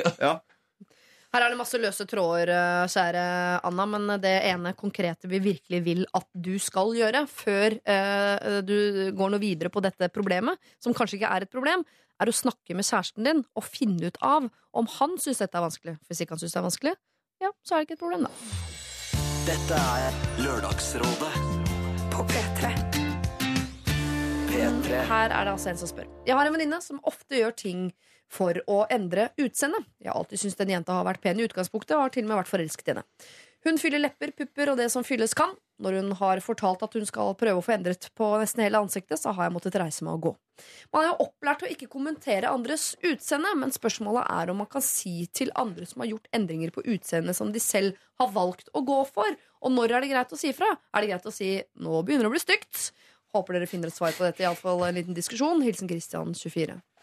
Altså kan man, som man sier, skal jo helst ikke kommentere utseendet på folk, men når du jo uh, tar et konkret valg på å endre nesen sin fra å være høyrevridd til venstrevridd, er det, er det lov? er det lov å kommentere, liksom? Det, jeg syns det burde bli lov. For nå er det såpass mange som gjør det, og det ser eh, verre og verre ut, egentlig. Det ser jo ut som uh, man har fått en sånn glassmanet uh, under hele ansiktet, som er en sånn, blir en sånn stor geléklump. Hele panna og kinna og leppene. Ja. Uh, og det er ikke så veldig fint. Det er ganske stygt, egentlig. Så jeg håper at det i framtida vil bli helt akseptabelt å si det der må du tone ned. Du ser ikke bra ut. Slutt med den fyllinga. det blir stygt. Han trenger ikke å si at det blir stygt, men han kan si at nå må du slutte med det. Fordi Ja. at um, du ødelegger det fine utseendet som du egentlig har. Eller jeg tror ikke du Ja. trenger det, rett og slett. Å, det var veldig sympatisk sagt, det da. var eh, Ja, jeg syns eh, Der er vi inne på kjernen av problemet, ja. Og det Mm. er At hun eh, føler at hun trenger det. Ja. ja. Syns du er veldig vis til å være 26 år, så oppfører du Ja, deg som. Christian Borch, liksom. Ja. Renner ut Men med jeg er det! River av meg! Er Christian Borch. som gjør at du ser så ung ut. Jeg, jeg elsker Botox. Jeg er Jo, 70 år på innsiden. Eh, Ja. Men, eh, ja, men det, det er jo Hvis, hvis eh, hun gjør det av sånne grunner fordi hun er veldig usikker, så må det jo være lov til å, til å si fra. Må det ikke det, da? Hvis, eh, Si fra eh, om at hun var finere altså, det er en før. tung samtale. Jeg vet ikke om jeg hadde klart å ta den med en venninne hvis hun hadde fylt eh, både det ene og det andre. Nei, for jeg, jeg kan kjenne på behovet om å si fra sånn Nå må vi stoppe, folkens. Uh, Vi? men- Fordi du har også Nei. operert? Uh, jo, for så vidt. Men uh, altså, la det ligge. Eh, men at hvis man er i et miljø hvor det er mange som holder på med mye, eller folk driver og endrer ting, og sånn, at man har lov til å på, en måte, på vegne av hvor samfunnet er i ferd med å gå, si noe om skal vi bare godta at vi er i ferd med å bli eldre? Eh, er det nødvendig å ta det opp sånn, mer som en, sånn, en diskusjon enn å peke rett på utseendet til denne venninnen? For selv om eh, Christian syns det er stygt, så er det jo like privat og personlig for denne jenta. Det er jo Hun føler at det er hennes utseende. Som han kommenterer puppene hennes, enten det er ekte eller ikke, så vil det være like sårende for henne. Ja, men er det noe lurt å diskutere det samfunnsmessige problematikken rundt det? Er det ikke bedre å si sånn du, nå, at man, hei, Hvis de er venner, og si hei, nå ser jeg at uh, Du er satt opp til en leppefylling her. ja, ja, ja. Nei, men at nå, Hvis det er sånn at hun gjør det titt og ofte, så er det plutselig at hun ikke kommer til å slutte med det. og Da kommer det til å bli helt forferdelig. Så man må liksom si fra at nå er det nok, uh, syns Ja. jeg. Ja. Og, og hvor Er det ikke en fare for Det kan jo begynne som en samtale. At de som er på det Botox-kjøret, at det er sånn som at man blir tanorectic. At de samme som er på sånn solariumskjør. Man blir liksom ikke brun nok. Jeg blir ikke rynkefri nok. Jeg vil se ut som en baby. Jeg vil ha sånn kuler rundt fjes. Eh, og ikke en rynke. Eh, at de bare får sånn oppheng og tror at og, eh, Tror at det blir aldri nok. Altså Det er som en slags anoreksi, bare, mener du? ja. Ja. eller hva det nå skal kalles. Ja. Og da er det greit får at feil eh, selvbilde. Men, ja. Og det hadde kanskje vært fint at eh, enhver gruppering hadde en Christian 24 som sa nok! Mm. Nå er det ikke noe Ja. fint lenger, nå må du stoppe. Du var finere før. Hvor ble det av det nydelige utseendet ditt? At det er Jo, det man er trenger. no, det er jo, hvis hun har gjort for mye, så er det ikke så mye vei tilbake dit. Så da må man må ikke snakke om at hun skal ha tilbake det, for det er jo kanskje litt kjørt. Ja. Så man må bare si at nå må du ikke Altså, nå holder det, liksom. Er det, er det et prosjekt med en sluttdato, dette her? Ja. Eh, Eller er det et kontinuerlig eh, hjul som bare vil rulle og gå? Og hva sier de på klinikken? Er det, kan man få ubegrensa Ja, er med injeksjoner? De tjener jo masse penger på det greiene der. Ja, så lenge du har penger på kortet. Så Man får de en sånn panne som sånn hvalross til slutt, da. Men jeg syns det er så rart eh, at de bare rister Men Botoxen ut. Den går jo liksom bort, gjør den som en ikke? cap. ja, vi- Botoxen må etterspilles. etterfylles. Ja. Ja. Ja, den kanskje forsvinner, ja. Ja. Ja. Men ikke hvis du skjærer og Og dytter inn noe i panna, nei. Eller ja, under, og i puppene, da. liksom eh, på neser og så er det Ja, ofte det at vil jo være der, da. Men, men jeg syns det er så rart, de som har venninne ikke sant? Det blir ofte sånn man ser en sånn venninnekrets, og så er det er liksom over hele fjøla så har det skjedd De må jo se Det er så rart at det Det er jo en egen estetikk, da, som jeg tenker at de må jo like det. Fordi nesten alle som tar Botox, blir veldig sånn blanke. Og ikke har noe pudder eh, og tone det ned Og på. så Så masse synes- lipgloss. Og det er ikke sånn at det ikke synes. Du er jo, lyser jo lang vei. Ja. Det er som man, sånn, sånn som i 9. klasse på ungdomsskolen, og de damene hadde tatt enorme mengder brunkrem, og Ja. de trodde faktisk at man ikke så det. Det synes så helt sinnssykt godt når Ja. man har gjort sånne operasjoner. Men det, kanskje de vil det, har jeg tenkt. At de vil ha sånn Botox-fjes. Det er liksom en egen greie. At det Mm. bare, jeg velger å se ut som at jeg har Botox. Jeg syns det er kult med Botox. Hvis Jeg har råd til Botox. Har råd til Botox. Ja. Eller råd til eller det er sånn samme som det er tøft å røyke. Det er tøft med Botox. Men jeg syns dere er inne på noe fint. Jeg, synes det i større grad er lov til å kommentere et utseende som bevisst er endret på, enn et uh, utseende som bare er der fra mor og far.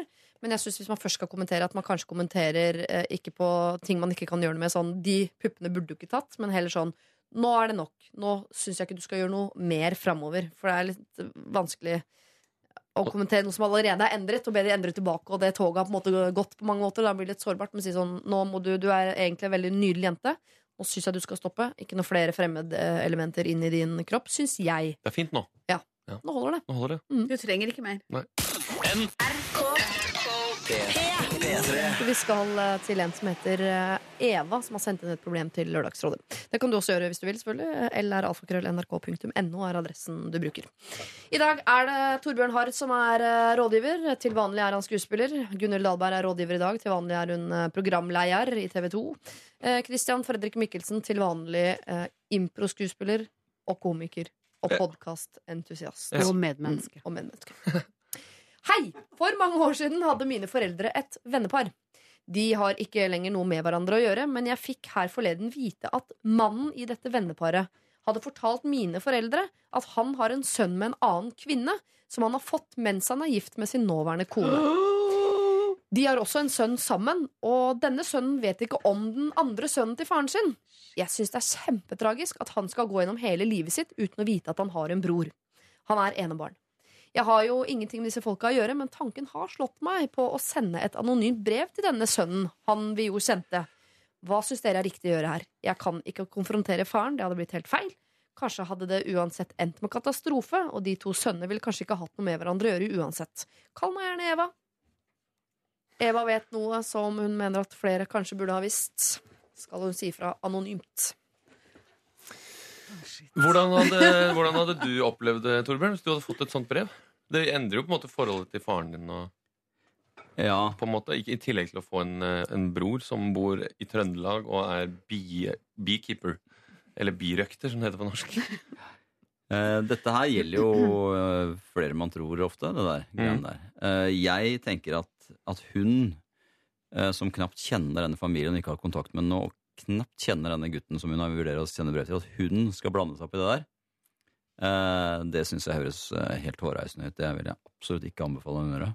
Fordi, Av hensyn til Av hensyn til For at hun vet ikke hvordan altså, Hun vet ikke hva hun setter i gang. hun vet altså. ikke hva hun setter i gang, og, og det virker ikke som hun kjenner ordentlig den der venneparsønnen heller. Hadde det vært en god venn som hun visste ordentlig dette er et menneske jeg skal bry meg om, og som jeg skal ha med meg videre i livet, og som jeg kan ta vare på og gi den beskjeden på riktig måte, så kanskje fordi det var en du ordentlig brydde deg om. Men her er et eller annet hun bare forfekter en sånn sannhet som skal frem-greie. ja. Eh, Det er masse hemmeligheter i hennes liv også som er godt at eh, holdes eh, inne. Så det, der, det synes jeg høyest Det vil jeg absolutt si. Det, hvis noen skal gjøre det, så er det ikke henne som knapt kjenner den familien. Men hvem er han ukjente sønnen, da? Kanskje vil han eh, si fra Hun burde kanskje heller ta kontakt med ukjent sønn og spørre vil du fram i lyset. Det er ikke sikkert at ukjent sønn eh, vil ha noe med biologisk far. Det er ikke sikkert eh, ukjent sønn vet at han har en bror på andre kanten. Det er ikke sikkert han vet at han er ukjent sønn heller. Kanskje han har blitt oppdratt og vet at han egentlig har Altså faren som han er oppvokst med, tror at det er hans biologiske far, og så får han vite shit. eh, har, det er mange som har jugd, kan potensielt ha jugd til hverandre her. Det er jo litt gøy at hun vil fortelle sannheten. Men ehm, skal sannheten alltid frem? Er usikker. Jeg har jo selv Nå har jeg hatt en monolog. Skal jeg spare Du kan snakke, skal jeg fortelle det? Jeg, jeg er jo selv hun ukjente søstera. Eh, jeg har jo en far som jeg ikke har kontakt med. Eh, og har kontakt, hatt kontakt med hans sin familie. Men han fikk ny kone og barn, og fortalte ikke et kløyva ord om meg. Ingen sa noen ting, til jeg for noen år siden måtte skrive brev, ikke anonymt, til mine søstre og si 'hallo, dere har en søster til'. Hvordan Det- reagerte de på det? Det, hun ene tok det De reagerte ikke sånn kjempepositivt, altså. De ble veldig sint på faren min, så trodde de at jeg jugde. Og så trodde de at eh, faren min sier at mora mi ljuger. Altså det er litt sånn Hotell Cæsar med Gunhild Dahlberg i smørøyet.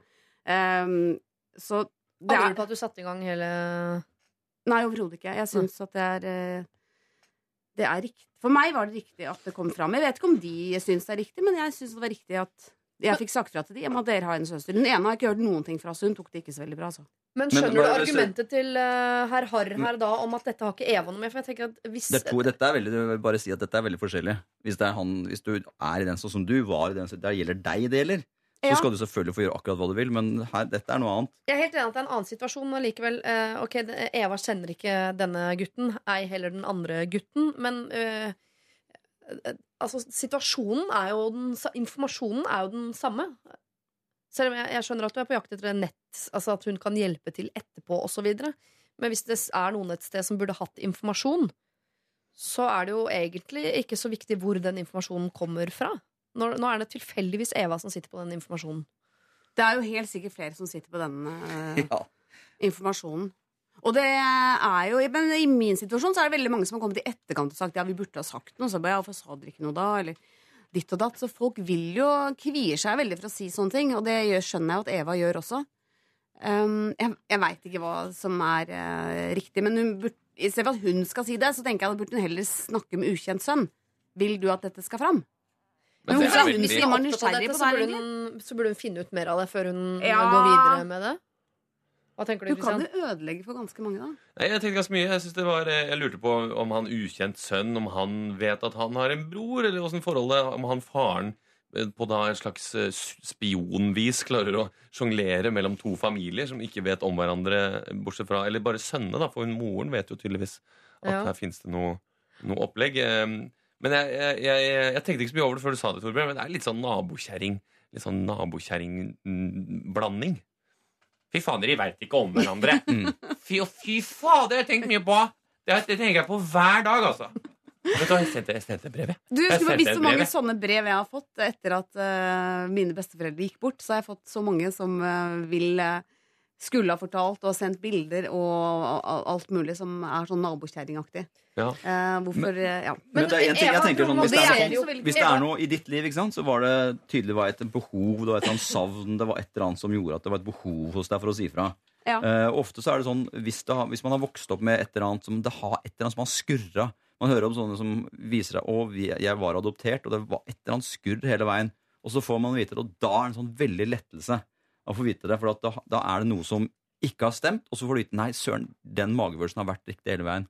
Men hvis det er man lever et sånt liv med overhodet ingen sånn mistanke, og så kommer inn en sånn derre sånn litt som man kjente når man var liten, med et brev, og du har en bror og ja, vil, vil disse impliserte ha den informasjonen? Det, er jeg overhodet ikke sikker på.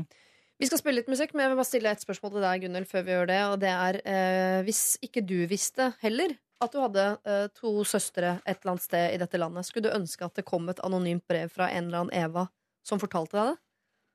Du kan få tenke litt mens vi hører sånn. Ja. Just, altså, uh, tida vi bare Hva skal vi spille? Så skal du få lov til å svare etterpå.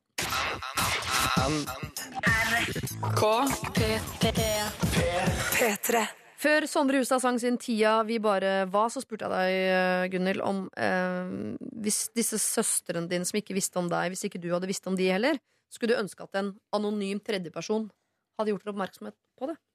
Eh, ja, det tror jeg at jeg hadde villet eh, vite. For det tenker jeg det hadde jo fortalt noe om mine foreldre som ikke jeg visste. Hvis du skjønner, Jeg syns det er viktig at man kjenner sine nærmeste. Hvis mamma hadde hatt et barn, eh, hadde jeg, da hadde jeg villet vite at hun hadde flere barn. Som eh, nå på et eller annet vis hadde fornekta. Så hadde jeg tenkt herregud, hva slags menneske er du?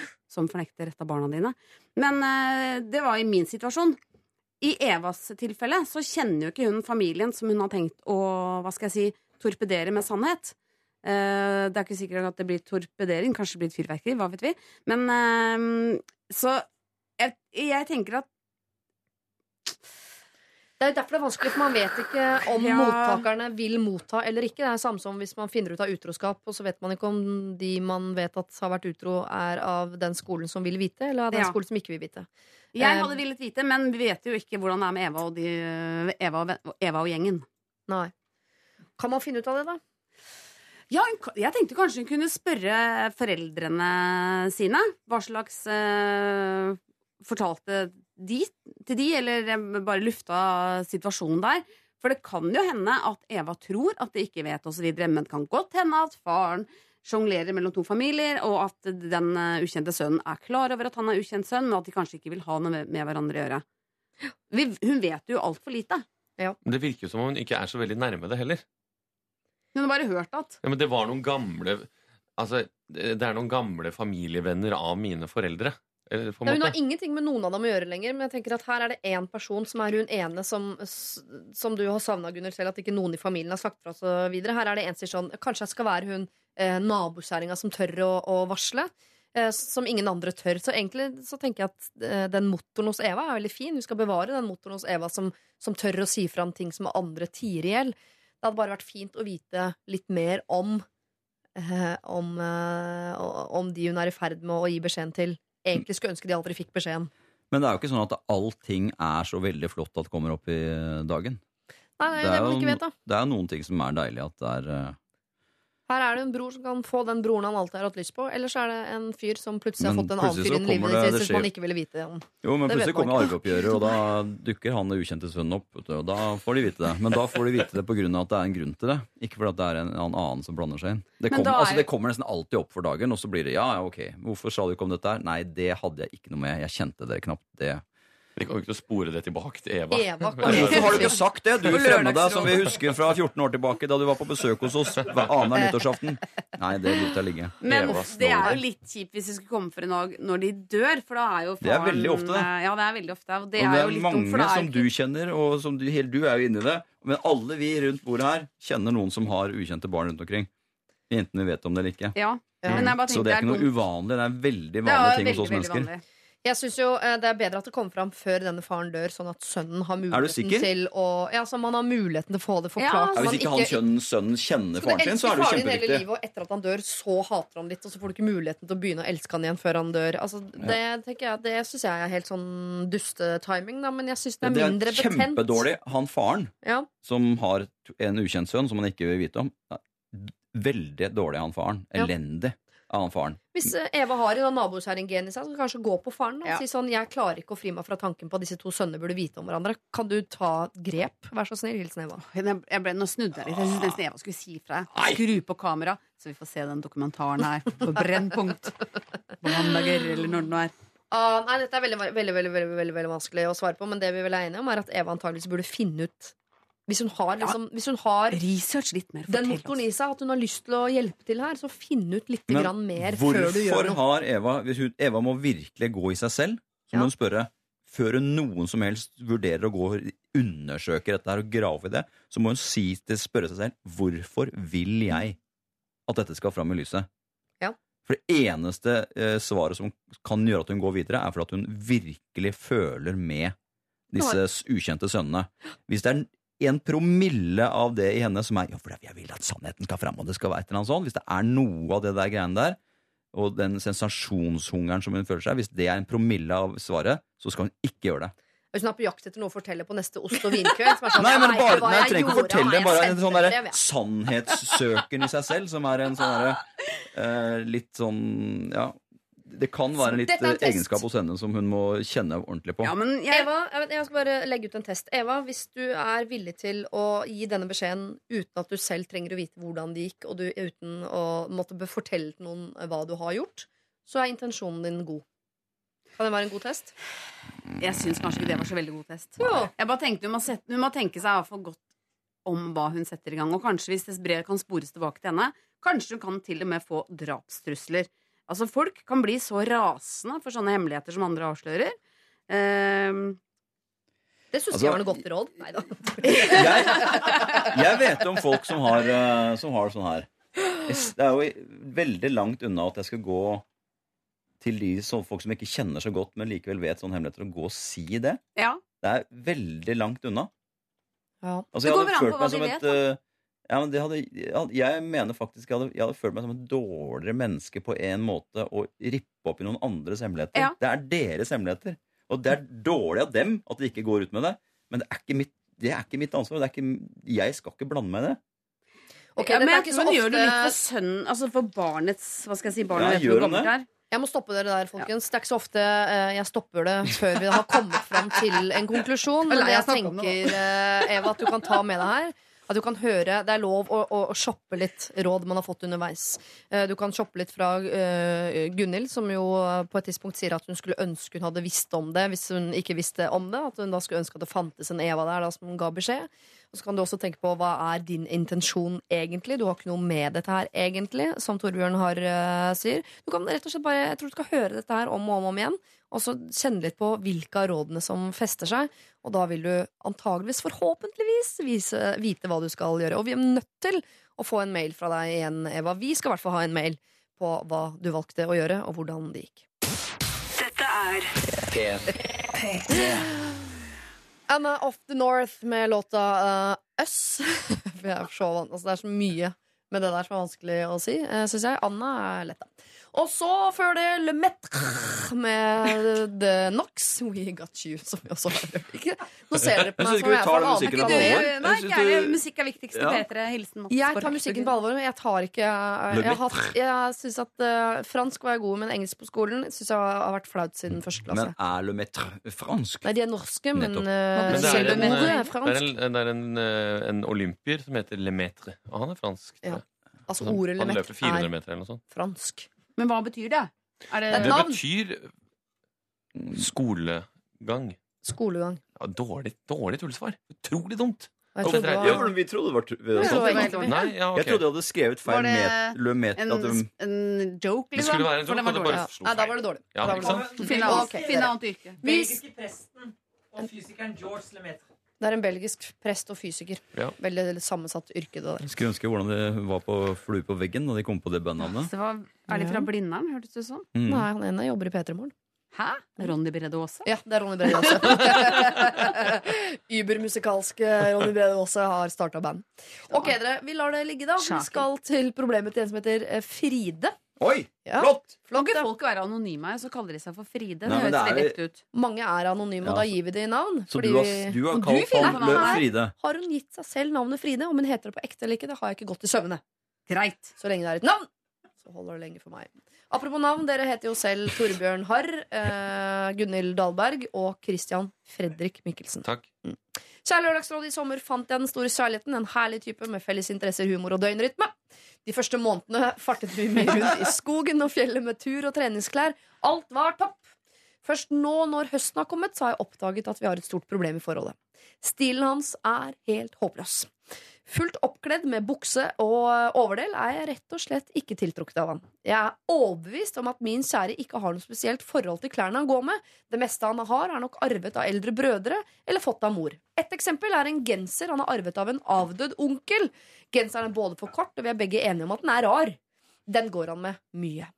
En dag jeg var alene i huset hans, åpnet jeg klesskapet for å se hvor omfattende problemet er, og jeg fikk bekreftet mine antakelser i sirlig rekke med plagg som aldri burde sett dagens lys. Jeg har diskutert ulike strategier med mine venninner. Eh, komplementere de T-skjortene som jeg syns er fine, som da viser seg å være én. Kjøpe fine klær til han, noe jeg ikke har sjans til å konkurrere med hans kjøpesterke mor på. på den fronten Eller gjemme plagg for plagg for å oppnå en gradvis utskiftning. Jeg er redd det vil komme til å ta flere år for meg å luke bort det verste.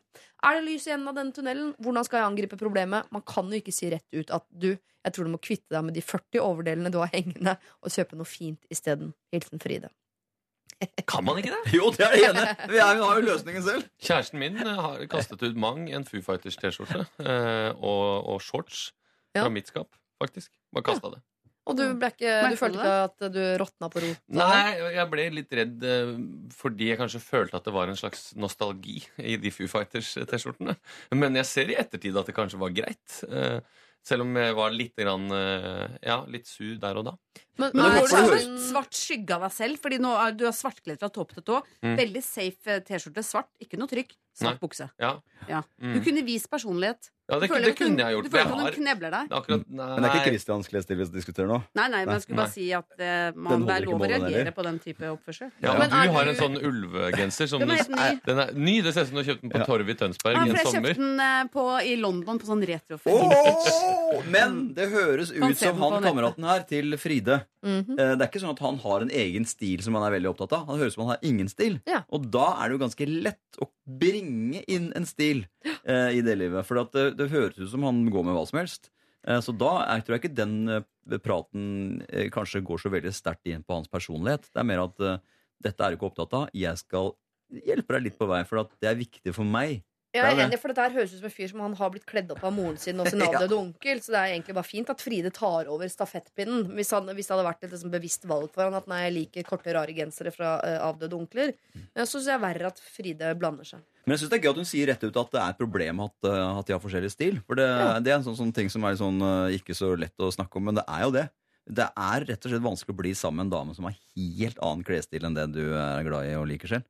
Det ligger jo noe, uh, noe sexappeal i eh, hva folk har på seg. Så hvis folk kler seg helt uh, annerledes enn det du liker, så er det klart at det er, kan jo virke frastøtende, det.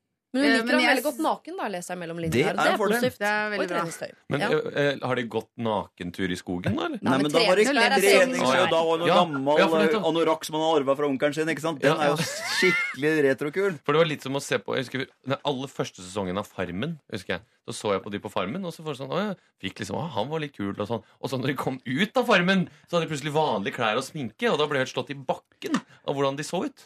Så Eller det første, eller første gang vi så var Ja. håndballjentene pynta opp i Se og Hør. Ja. Da tenkte man jo den reportasjen ville jeg viske vekk fra Men jeg husker at vi i militæret var veldig sånn eh, Det var ordentlig sånn Da var det første De tre månedene var rekruttskolen. Sånn, da gikk alle i uniform. Eh, Den gangen da jeg gikk i, var i militæret i Garden.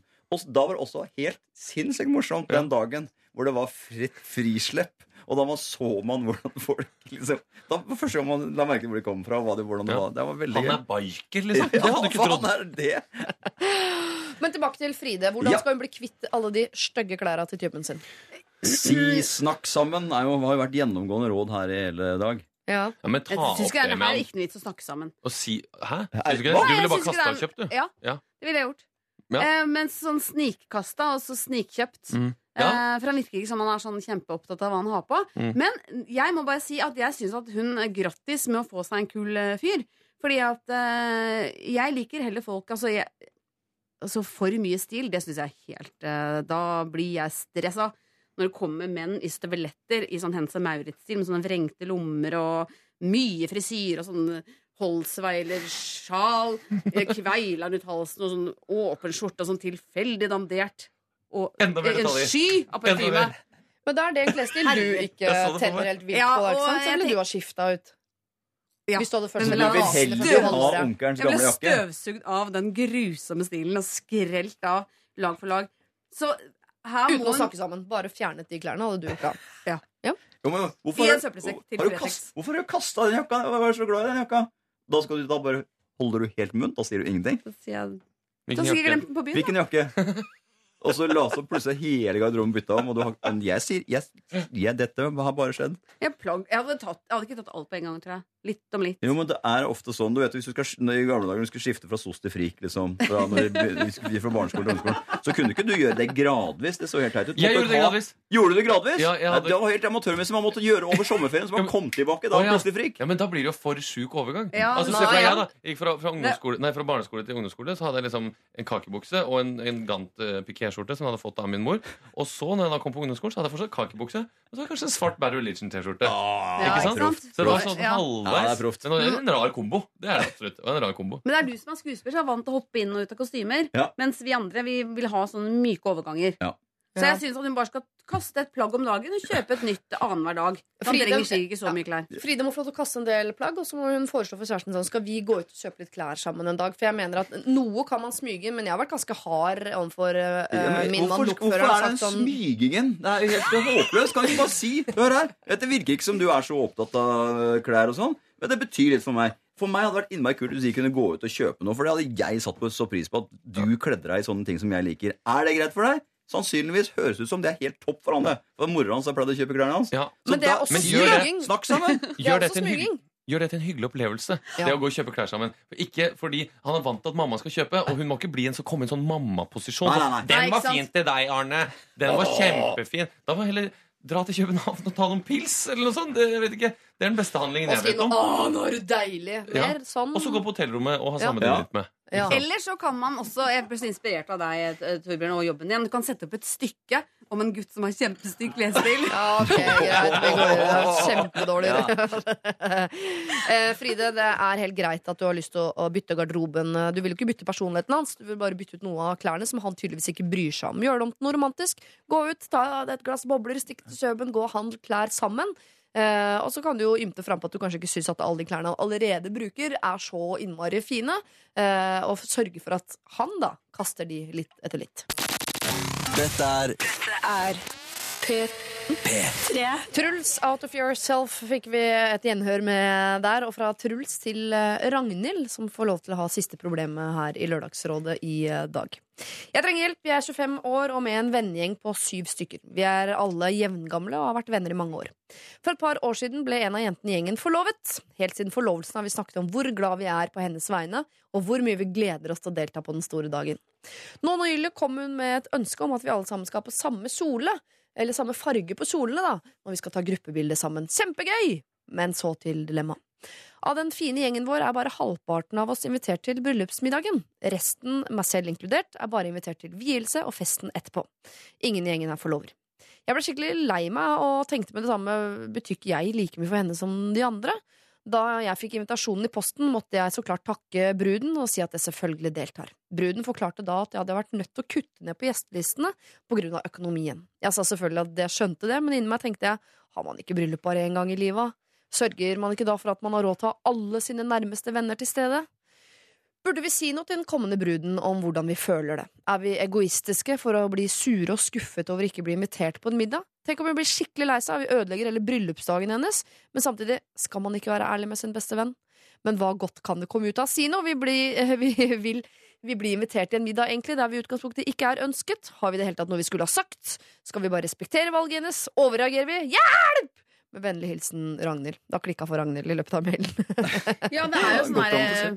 Bridezilla snakker man jo om, men det er jo tydelig at det er bryllupsgjesten som går av skaftet for eh, hvordan de mener at bryllupet skal være. Ja, men hun er lei seg da, hun er ikke invitert. Hun, plutselig må hun se eh, hele vennskapet med nye briller, for hun har tenkt at jeg er vel en sånn venn som blir invitert til. Middagen. Herregud, Nei, det er ikke nei. skiller- 50 skiller seg, så i neste bryllup hun venninna skal ha, så blir hun sikkert invitert til middag. For, da er hun eldre For han er rikere og og eldre. Mm, ja.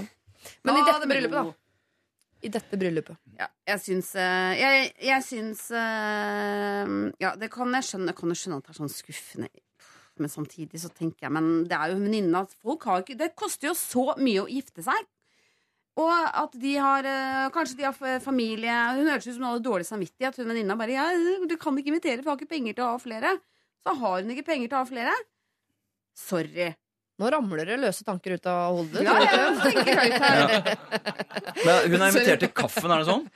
Ja, Ja. og vielsen. Og, Og festen. For du suk var litt på utpusten. Jeg leste det. Det høres ut som du syntes var skikkelig teit, Torbjørn. hva, nei, teit vet jeg ikke, men det er jo uting blitt at det der bryllupene er så helt sinnssykt dyre at man Ja, har ikke råd til å invitere vennene sine. Da, så det er en annen, det er hjertesukket mitt. At det er sånn her, Istedenfor å invitere folk man er glad i, og alle man vil ha der, og laget en kjempekul fest. Ja. Og feire kjærligheten og feire hverandre og rope ut hele verden. Vi to elsker hverandre. Se på det, alle folkene som vi kjenner. Så blir det sånn her prippen sånn sitte med dyre, brettede kandelabre. Vi har kjøpt så dyr kake fra har- Pascal altså, at har ikke venninnene våre bare kan drikke kaffe. Ja, så det er et kjempeproblem. Og det er sånn, man må bare, når man skal gifte seg, inviter alle som vil. Nesten. Men, men ha det mer større fest. Men det er et annet problem. Ja. Nå er det hun som er, ikke er invitert. Og da tenker Hun er lei seg. Ja, hun er lei seg, men da hun, det, hun kan ikke, man kan ikke kreve og kan ikke mase seg med på en fest. Det går ikke. Altså, Jeg var sikker på at du skulle si Altså, dette må du bare kunne snakke om. Eh, på en måte, At man tar en Jo, samtale, skal jeg- samtale om det. Ja, det pleier jeg å si. Og jeg har en, en kompis som jeg er veldig god venn med nå. Ja. Nå? Ja. Ja. Som jeg ikke var så uh, Som jeg var god venn med da òg, men ikke så nær. Og da skulle, skulle han eh, Og da lurte jeg for at det var noen som kom liksom for å spille litt sånn etterpå. I bryllup, eller hva Ja, for å liksom lage fest etterpå. Ja. Og ingen som kom sånn til kaffen. Men det var, og da han og så sa han sånn vet, det, Jeg gidder ikke å Enten så er jeg med på festen, eller så er jeg ikke, liksom. Ja. Da, og da var det var jævla streit at han sa det. Så da var det sånn, ja, selvfølgelig, rydd plass, du, du sitter ved bordet. Mm. Ehm, så det er jo Og han sa til deg når han du sa, skulle ja, gifte for at, deg ja, for da var det sånn Da kjente vi ikke Ah. Men heldigvis, og det var jo så lurt han sa det, fordi vi er gode, veldig gode venner òg. Men Vi må skille, Men det- bare så det, fordi ja. det er snakk om Det er vielse, det er, det er vielse, og det er middag, og det er fest. Ja. Og festen er de med på uansett. Ja. Ja, Men middagen med alle disse hårvåte talene og Ja. sånn, det er det, det er der riftet ligger. ikke Ja. sant? Mm, ja, ja. Ja, for jeg kunne jo kanskje Nei, ikke hvis det hadde vært eh, bestekompisen min. Da hadde jeg syntes det vært leit å ikke være med i middagen.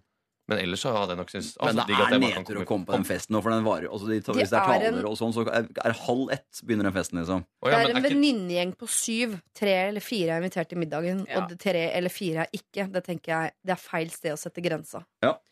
Det er Men- dårlig stil, det- men, ja, det men det men det men Det får er- jeg har irritert meg ganske mye over det her i, med, i, på mitt privatliv. Fordi at nå har jeg vært i en del bryllup, og, det er alltid, og jeg har også hatt venninne som ikke ville gifte seg fordi at det var så mye kritikk om hvordan et bryllup ble, ble arrangert. Uh, og foreldre skal mene ting, og venninner skal mene ting, og kompiser, og samfunnet, og budsjett, og ditt og datt. Og i sommer var jeg i et bryllup hvor eh, en gjest sto og klaga om hvor dølt det var å gå i bryllup. En sånn kjempekjedelig å gå i bryllup. Da ble jeg så irritert at jeg gikk fra det jeg tenkte, vet du hva, nå har du blitt invitert på en fest som koster 100 000 kroner å arrangere. Du skal være glad du har venner, og at du får lov til å komme på fest. Dette her er gøy. Det er de som skal gifte seg din dag. Det er ikke alle gjestenes dag. Det er eh, det paret som skal gifte seg. Så gjestene må bare ta seg sammen. Gjør som du blir bedt om. Kom i den fargen. Gi den gaven. Det de ønsker seg. Og vær en perfekt bryllupsgjest. Dans, spis kake, ha det gøy, og ikke baksnakk. Ferdig med saken. Jeg er enig. Jeg skriver et manifest om dette her på Ja, Facebook. det er perfekt sagt. Men kan hun Jo, men jeg er enig at hun ikke kan blande seg i hvordan andre skal gifte seg. Og, og Samtidig som jeg skjønner at hun er lei seg. Så Ja, det jeg, jeg syns hun kan gjøre, er at i, etterkant av bryllupet så kan hun jo på et eller annet tidspunkt sette spørsmålstegn ved Uh, Jeg ble lei meg den gangen jeg gikk hjem, for jeg, jeg trodde vi var nærere venner enn det. Så jeg, har jeg misforstått hvor Men- gode venner vi har er? ikke- Ikke med nærheten av av. venner å gjøre. Du kan ikke drive og Selvfølgelig har det det. Nei. Hvor setter du grensa da på uh, geografi? Eller kjønn? Nei, hun har Alder? satt et budsjett, da. Ja, ja, men Kanskje da inviterer du eller... de nærmeste, og så sier du Et Jo, men- sted setter du grensen. Det Foreldrene har sikkert sagt ditt og datt. Men Jeg, jeg tror ikke man skal bli innmari såra for det der. Nei, man må- det, Ja, Kristian. Eh, men, men den, tenk deg da, ikke sant Det er brudens dag. Ja. Den dagen hun gifter seg, Ja. skal hun være the bigger person eller ikke? Eller i hvert fall invitere alle de sju vennene i Ja. middagen. akkurat det skal gjøre. og så kan hun si det i talen. Det var veldig viktig for meg å få med alle mine gode venner som har støtta meg opp gjennom livet, i denne middagen. Og jeg er så glad for at dere er her, alle sammen. Og damen har rødvinsdrita samtale klokka tre på natta med hun eh, Ja, ja, men det, er- det er jo hennes ja, dag. ja Det er jo hennes dag. Ok, eh, klokka nærmer seg tolv, folkens. Jeg må stoppe, jeg må stoppe dere der. Den samtalen Eh, fortsetter på en nett. Ja. Og vi skal snakke masse om det ikke- bryllupsgreiene. Dere kan ikke si noe til bruden foran bryllupet. Dette er hennes dag, hun gjør det på sin måte. Men vi håper at den dagen du gifter deg, så er du the bigger person som klarer å invitere hele venninnegjengen på syv til både eh, vielse, middag og fest. P3. Dette er Lørdagsrådet På P3. P3. Nå skal vi dele ut en kopp, eh, folkens. Jeg skal gå gjennom alle som har fått eh, råd av dere eh, i dag siden klokken ni. Så skal dere få lov til å bestemme hvem av dem som får en kopp. Helt hvorfor dere bestemmer dere for det dere bestemmer dere for, det skal ikke jeg blande meg i. Mm. Vi startet uh, tidlig i dag morges med uh, Håkon, som var i ferd med å gå i fella igjen. De var på tredje runde med eksen, og han lurte på om han skulle bli eller om han skulle gå. Han fikk vel ganske streng beskjed om å gå derfra. Trine har invitert svigermor til eh, en bursdag ved et uhell. Så det blir jo da 20 av hennes nærmeste venninner og svigermor på 50. Hvis du ser hørtes ut som en kjempefest, og sa lykke til. Gitte, eller Gunhild, som vi døpte henne om til etter hvert, eh, lurer på om hun kan forvente at typen kom på sykebesøk etter at hun måtte sy eh, på legevakta, og typen sa eh, at han ikke gadd å komme ned. Eh, en jente på 17 eh, Hun har problemer mellom eh, Eller hun har problemer med Rihanna og Beyoncé. Som hun bor i et bokollektiv hvor det spilles mye Rihanna og veldig lite Beyoncé. Hun føler med Beyoncé eh, i denne saken, som blir da eh, måte utkonkurrert av Rihanna. Anna hun eh, lurer på om kjæresten er ensom. Han har ingen nære venner, og det syns hun er et problem. Hun har ikke turt å spørre han om det engang, for hun syns det er så betent. Og der ligger vel selve problemets kjerne. Christian lurer på om man kan kommentere utseendet når utseendet er et utseende som er kjøpt og betalt for. Ja, heller det enn et utseende som ikke er kjøpt og betalt for. Eva vet at en bror har en annen bror som han ikke vet om, eh, med en annen mor, og idet altså, suppen er komplett, skal hun som anonym og utenforstående tipse de om dette. Og så der eh, kom vi ikke fram til noe som helst, dessverre. Det er ikke ofte her i Lørdagsrådet, men sånn har det blitt. Fride lurer på om hun kan skifte ut garderoben til typen. Han kom litt perpleks på henne nå på høsten, at han har så mye stygge gensere. Han har gått eh, rundt i friluftstøy hele sommeren og vært nydelig vakker. Og så har vi Ragnhild til slutt, som eh, lurer på om hun skal si fra at hun er lei seg. Fordi hun er en av tre-fire stykker i en gjeng på syv som ikke er invitert til selve bryllupsmiddagen. Hvem fortjener kopp? Hvem skal begynne? Altså, Kristian skal begynne. Nei, du har begynt på alle problemene. Dine. Det er, er du trenger en så- kopp selv, du, bare for å huske på at uh, altså det er, Så du har noe å drikke av? Ja, som å så du- drikke. Kan ikke Fride hun kan, hun kan gi bort en sånn bryllupsgave? Er Den koppen fra Nei, hun får ikke Nei, hun får. et skår av meg. Begynn med Den- den- Christian Fredrik. Fredrik. Christian Fredrik. Ja. Han som Eller Skal du ta igjen på meg nå? Så får jeg snakke? Ja, ja. Kristian Fredrik. Jeg, eh, jeg, jeg syns at eh, Trine, som får svigermor på fest, eh, burde få en kopp. Du ble så Men bare du klarte å snakke om den uten å smile. Ja, Hvis hun inviterer, hvis hun inviterer svigermor, hvis hun lover det, Ja. så skal hun få Nei, men Jeg syns det var så koselig! Eh, At, og da kan hun sitte der og, og drikke Bacardi og Bacardi Razz eh, mens svigermor sitter der og sikkert er i storform hvis man, eh, hvis man vatter opp med litt sånn Singstar på anlegget og får opp Ebony and Ivory med svigermor. Liksom, Se for deg den kvelden, da! Går det vel koppers. Trine for the win. Sa du koppers? Toppers. Du sa det. Jo, men det Koppers enda bedre. Det Kunne vært veldig typisk deg å si koppers. ja, Torbjørn, du er til sist, Gunnhild. Eh, ja, nei, jeg eh, Det er jo Eva her som vi gjerne vil tipse om eh, Det er jo det hotteste dilemmaet her. Og hun som vil eh, rippe opp i andre familiers eh, lykke. Eh, Men hun burde Dette hadde jeg aldri trodd jeg skulle gjøre. Referere til Ibsen, men jeg gjør det nå. Gå heller og se Villanden på, på teatret, for der snakker de om akkurat det samme. Ja. Om Du vet Livsløgnen. Tar du det fra et gjennomsnittsmenneske? Mm. Vet du hva du tar fra det også da? Livsgleden. Lykken. Det er samme greia. uh, men uh, jeg vet da Ødela jeg et sitat? Nei, ja, du gjorde det. Ja. Men um, Jeg, ikke, jeg Nei, kjenner ikke min Ibsen. Jeg er bedre på Kan ikke hvem, er det, hvem som skal få det?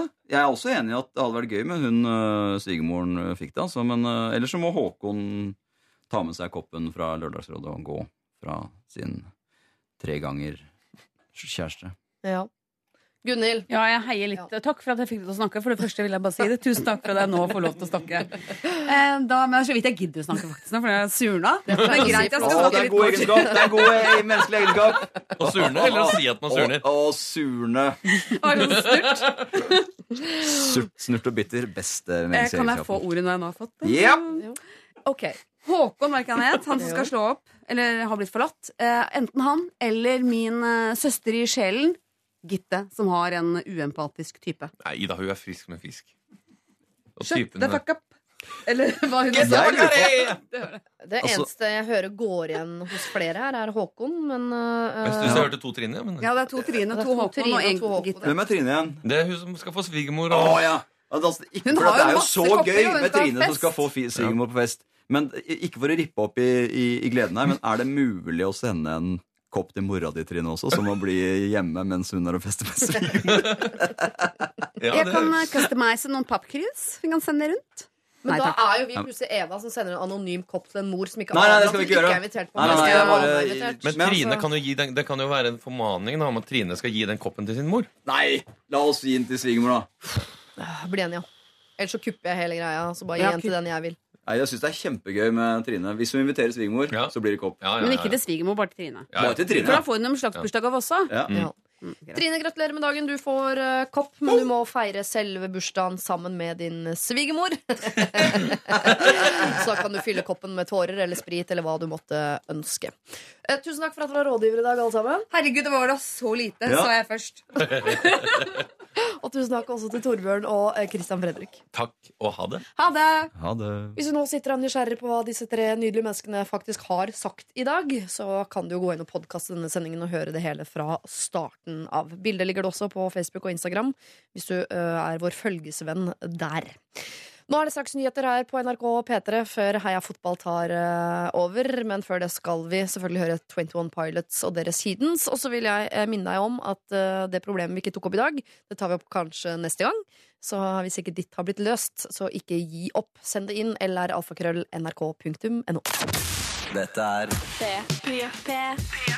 Dette er P3.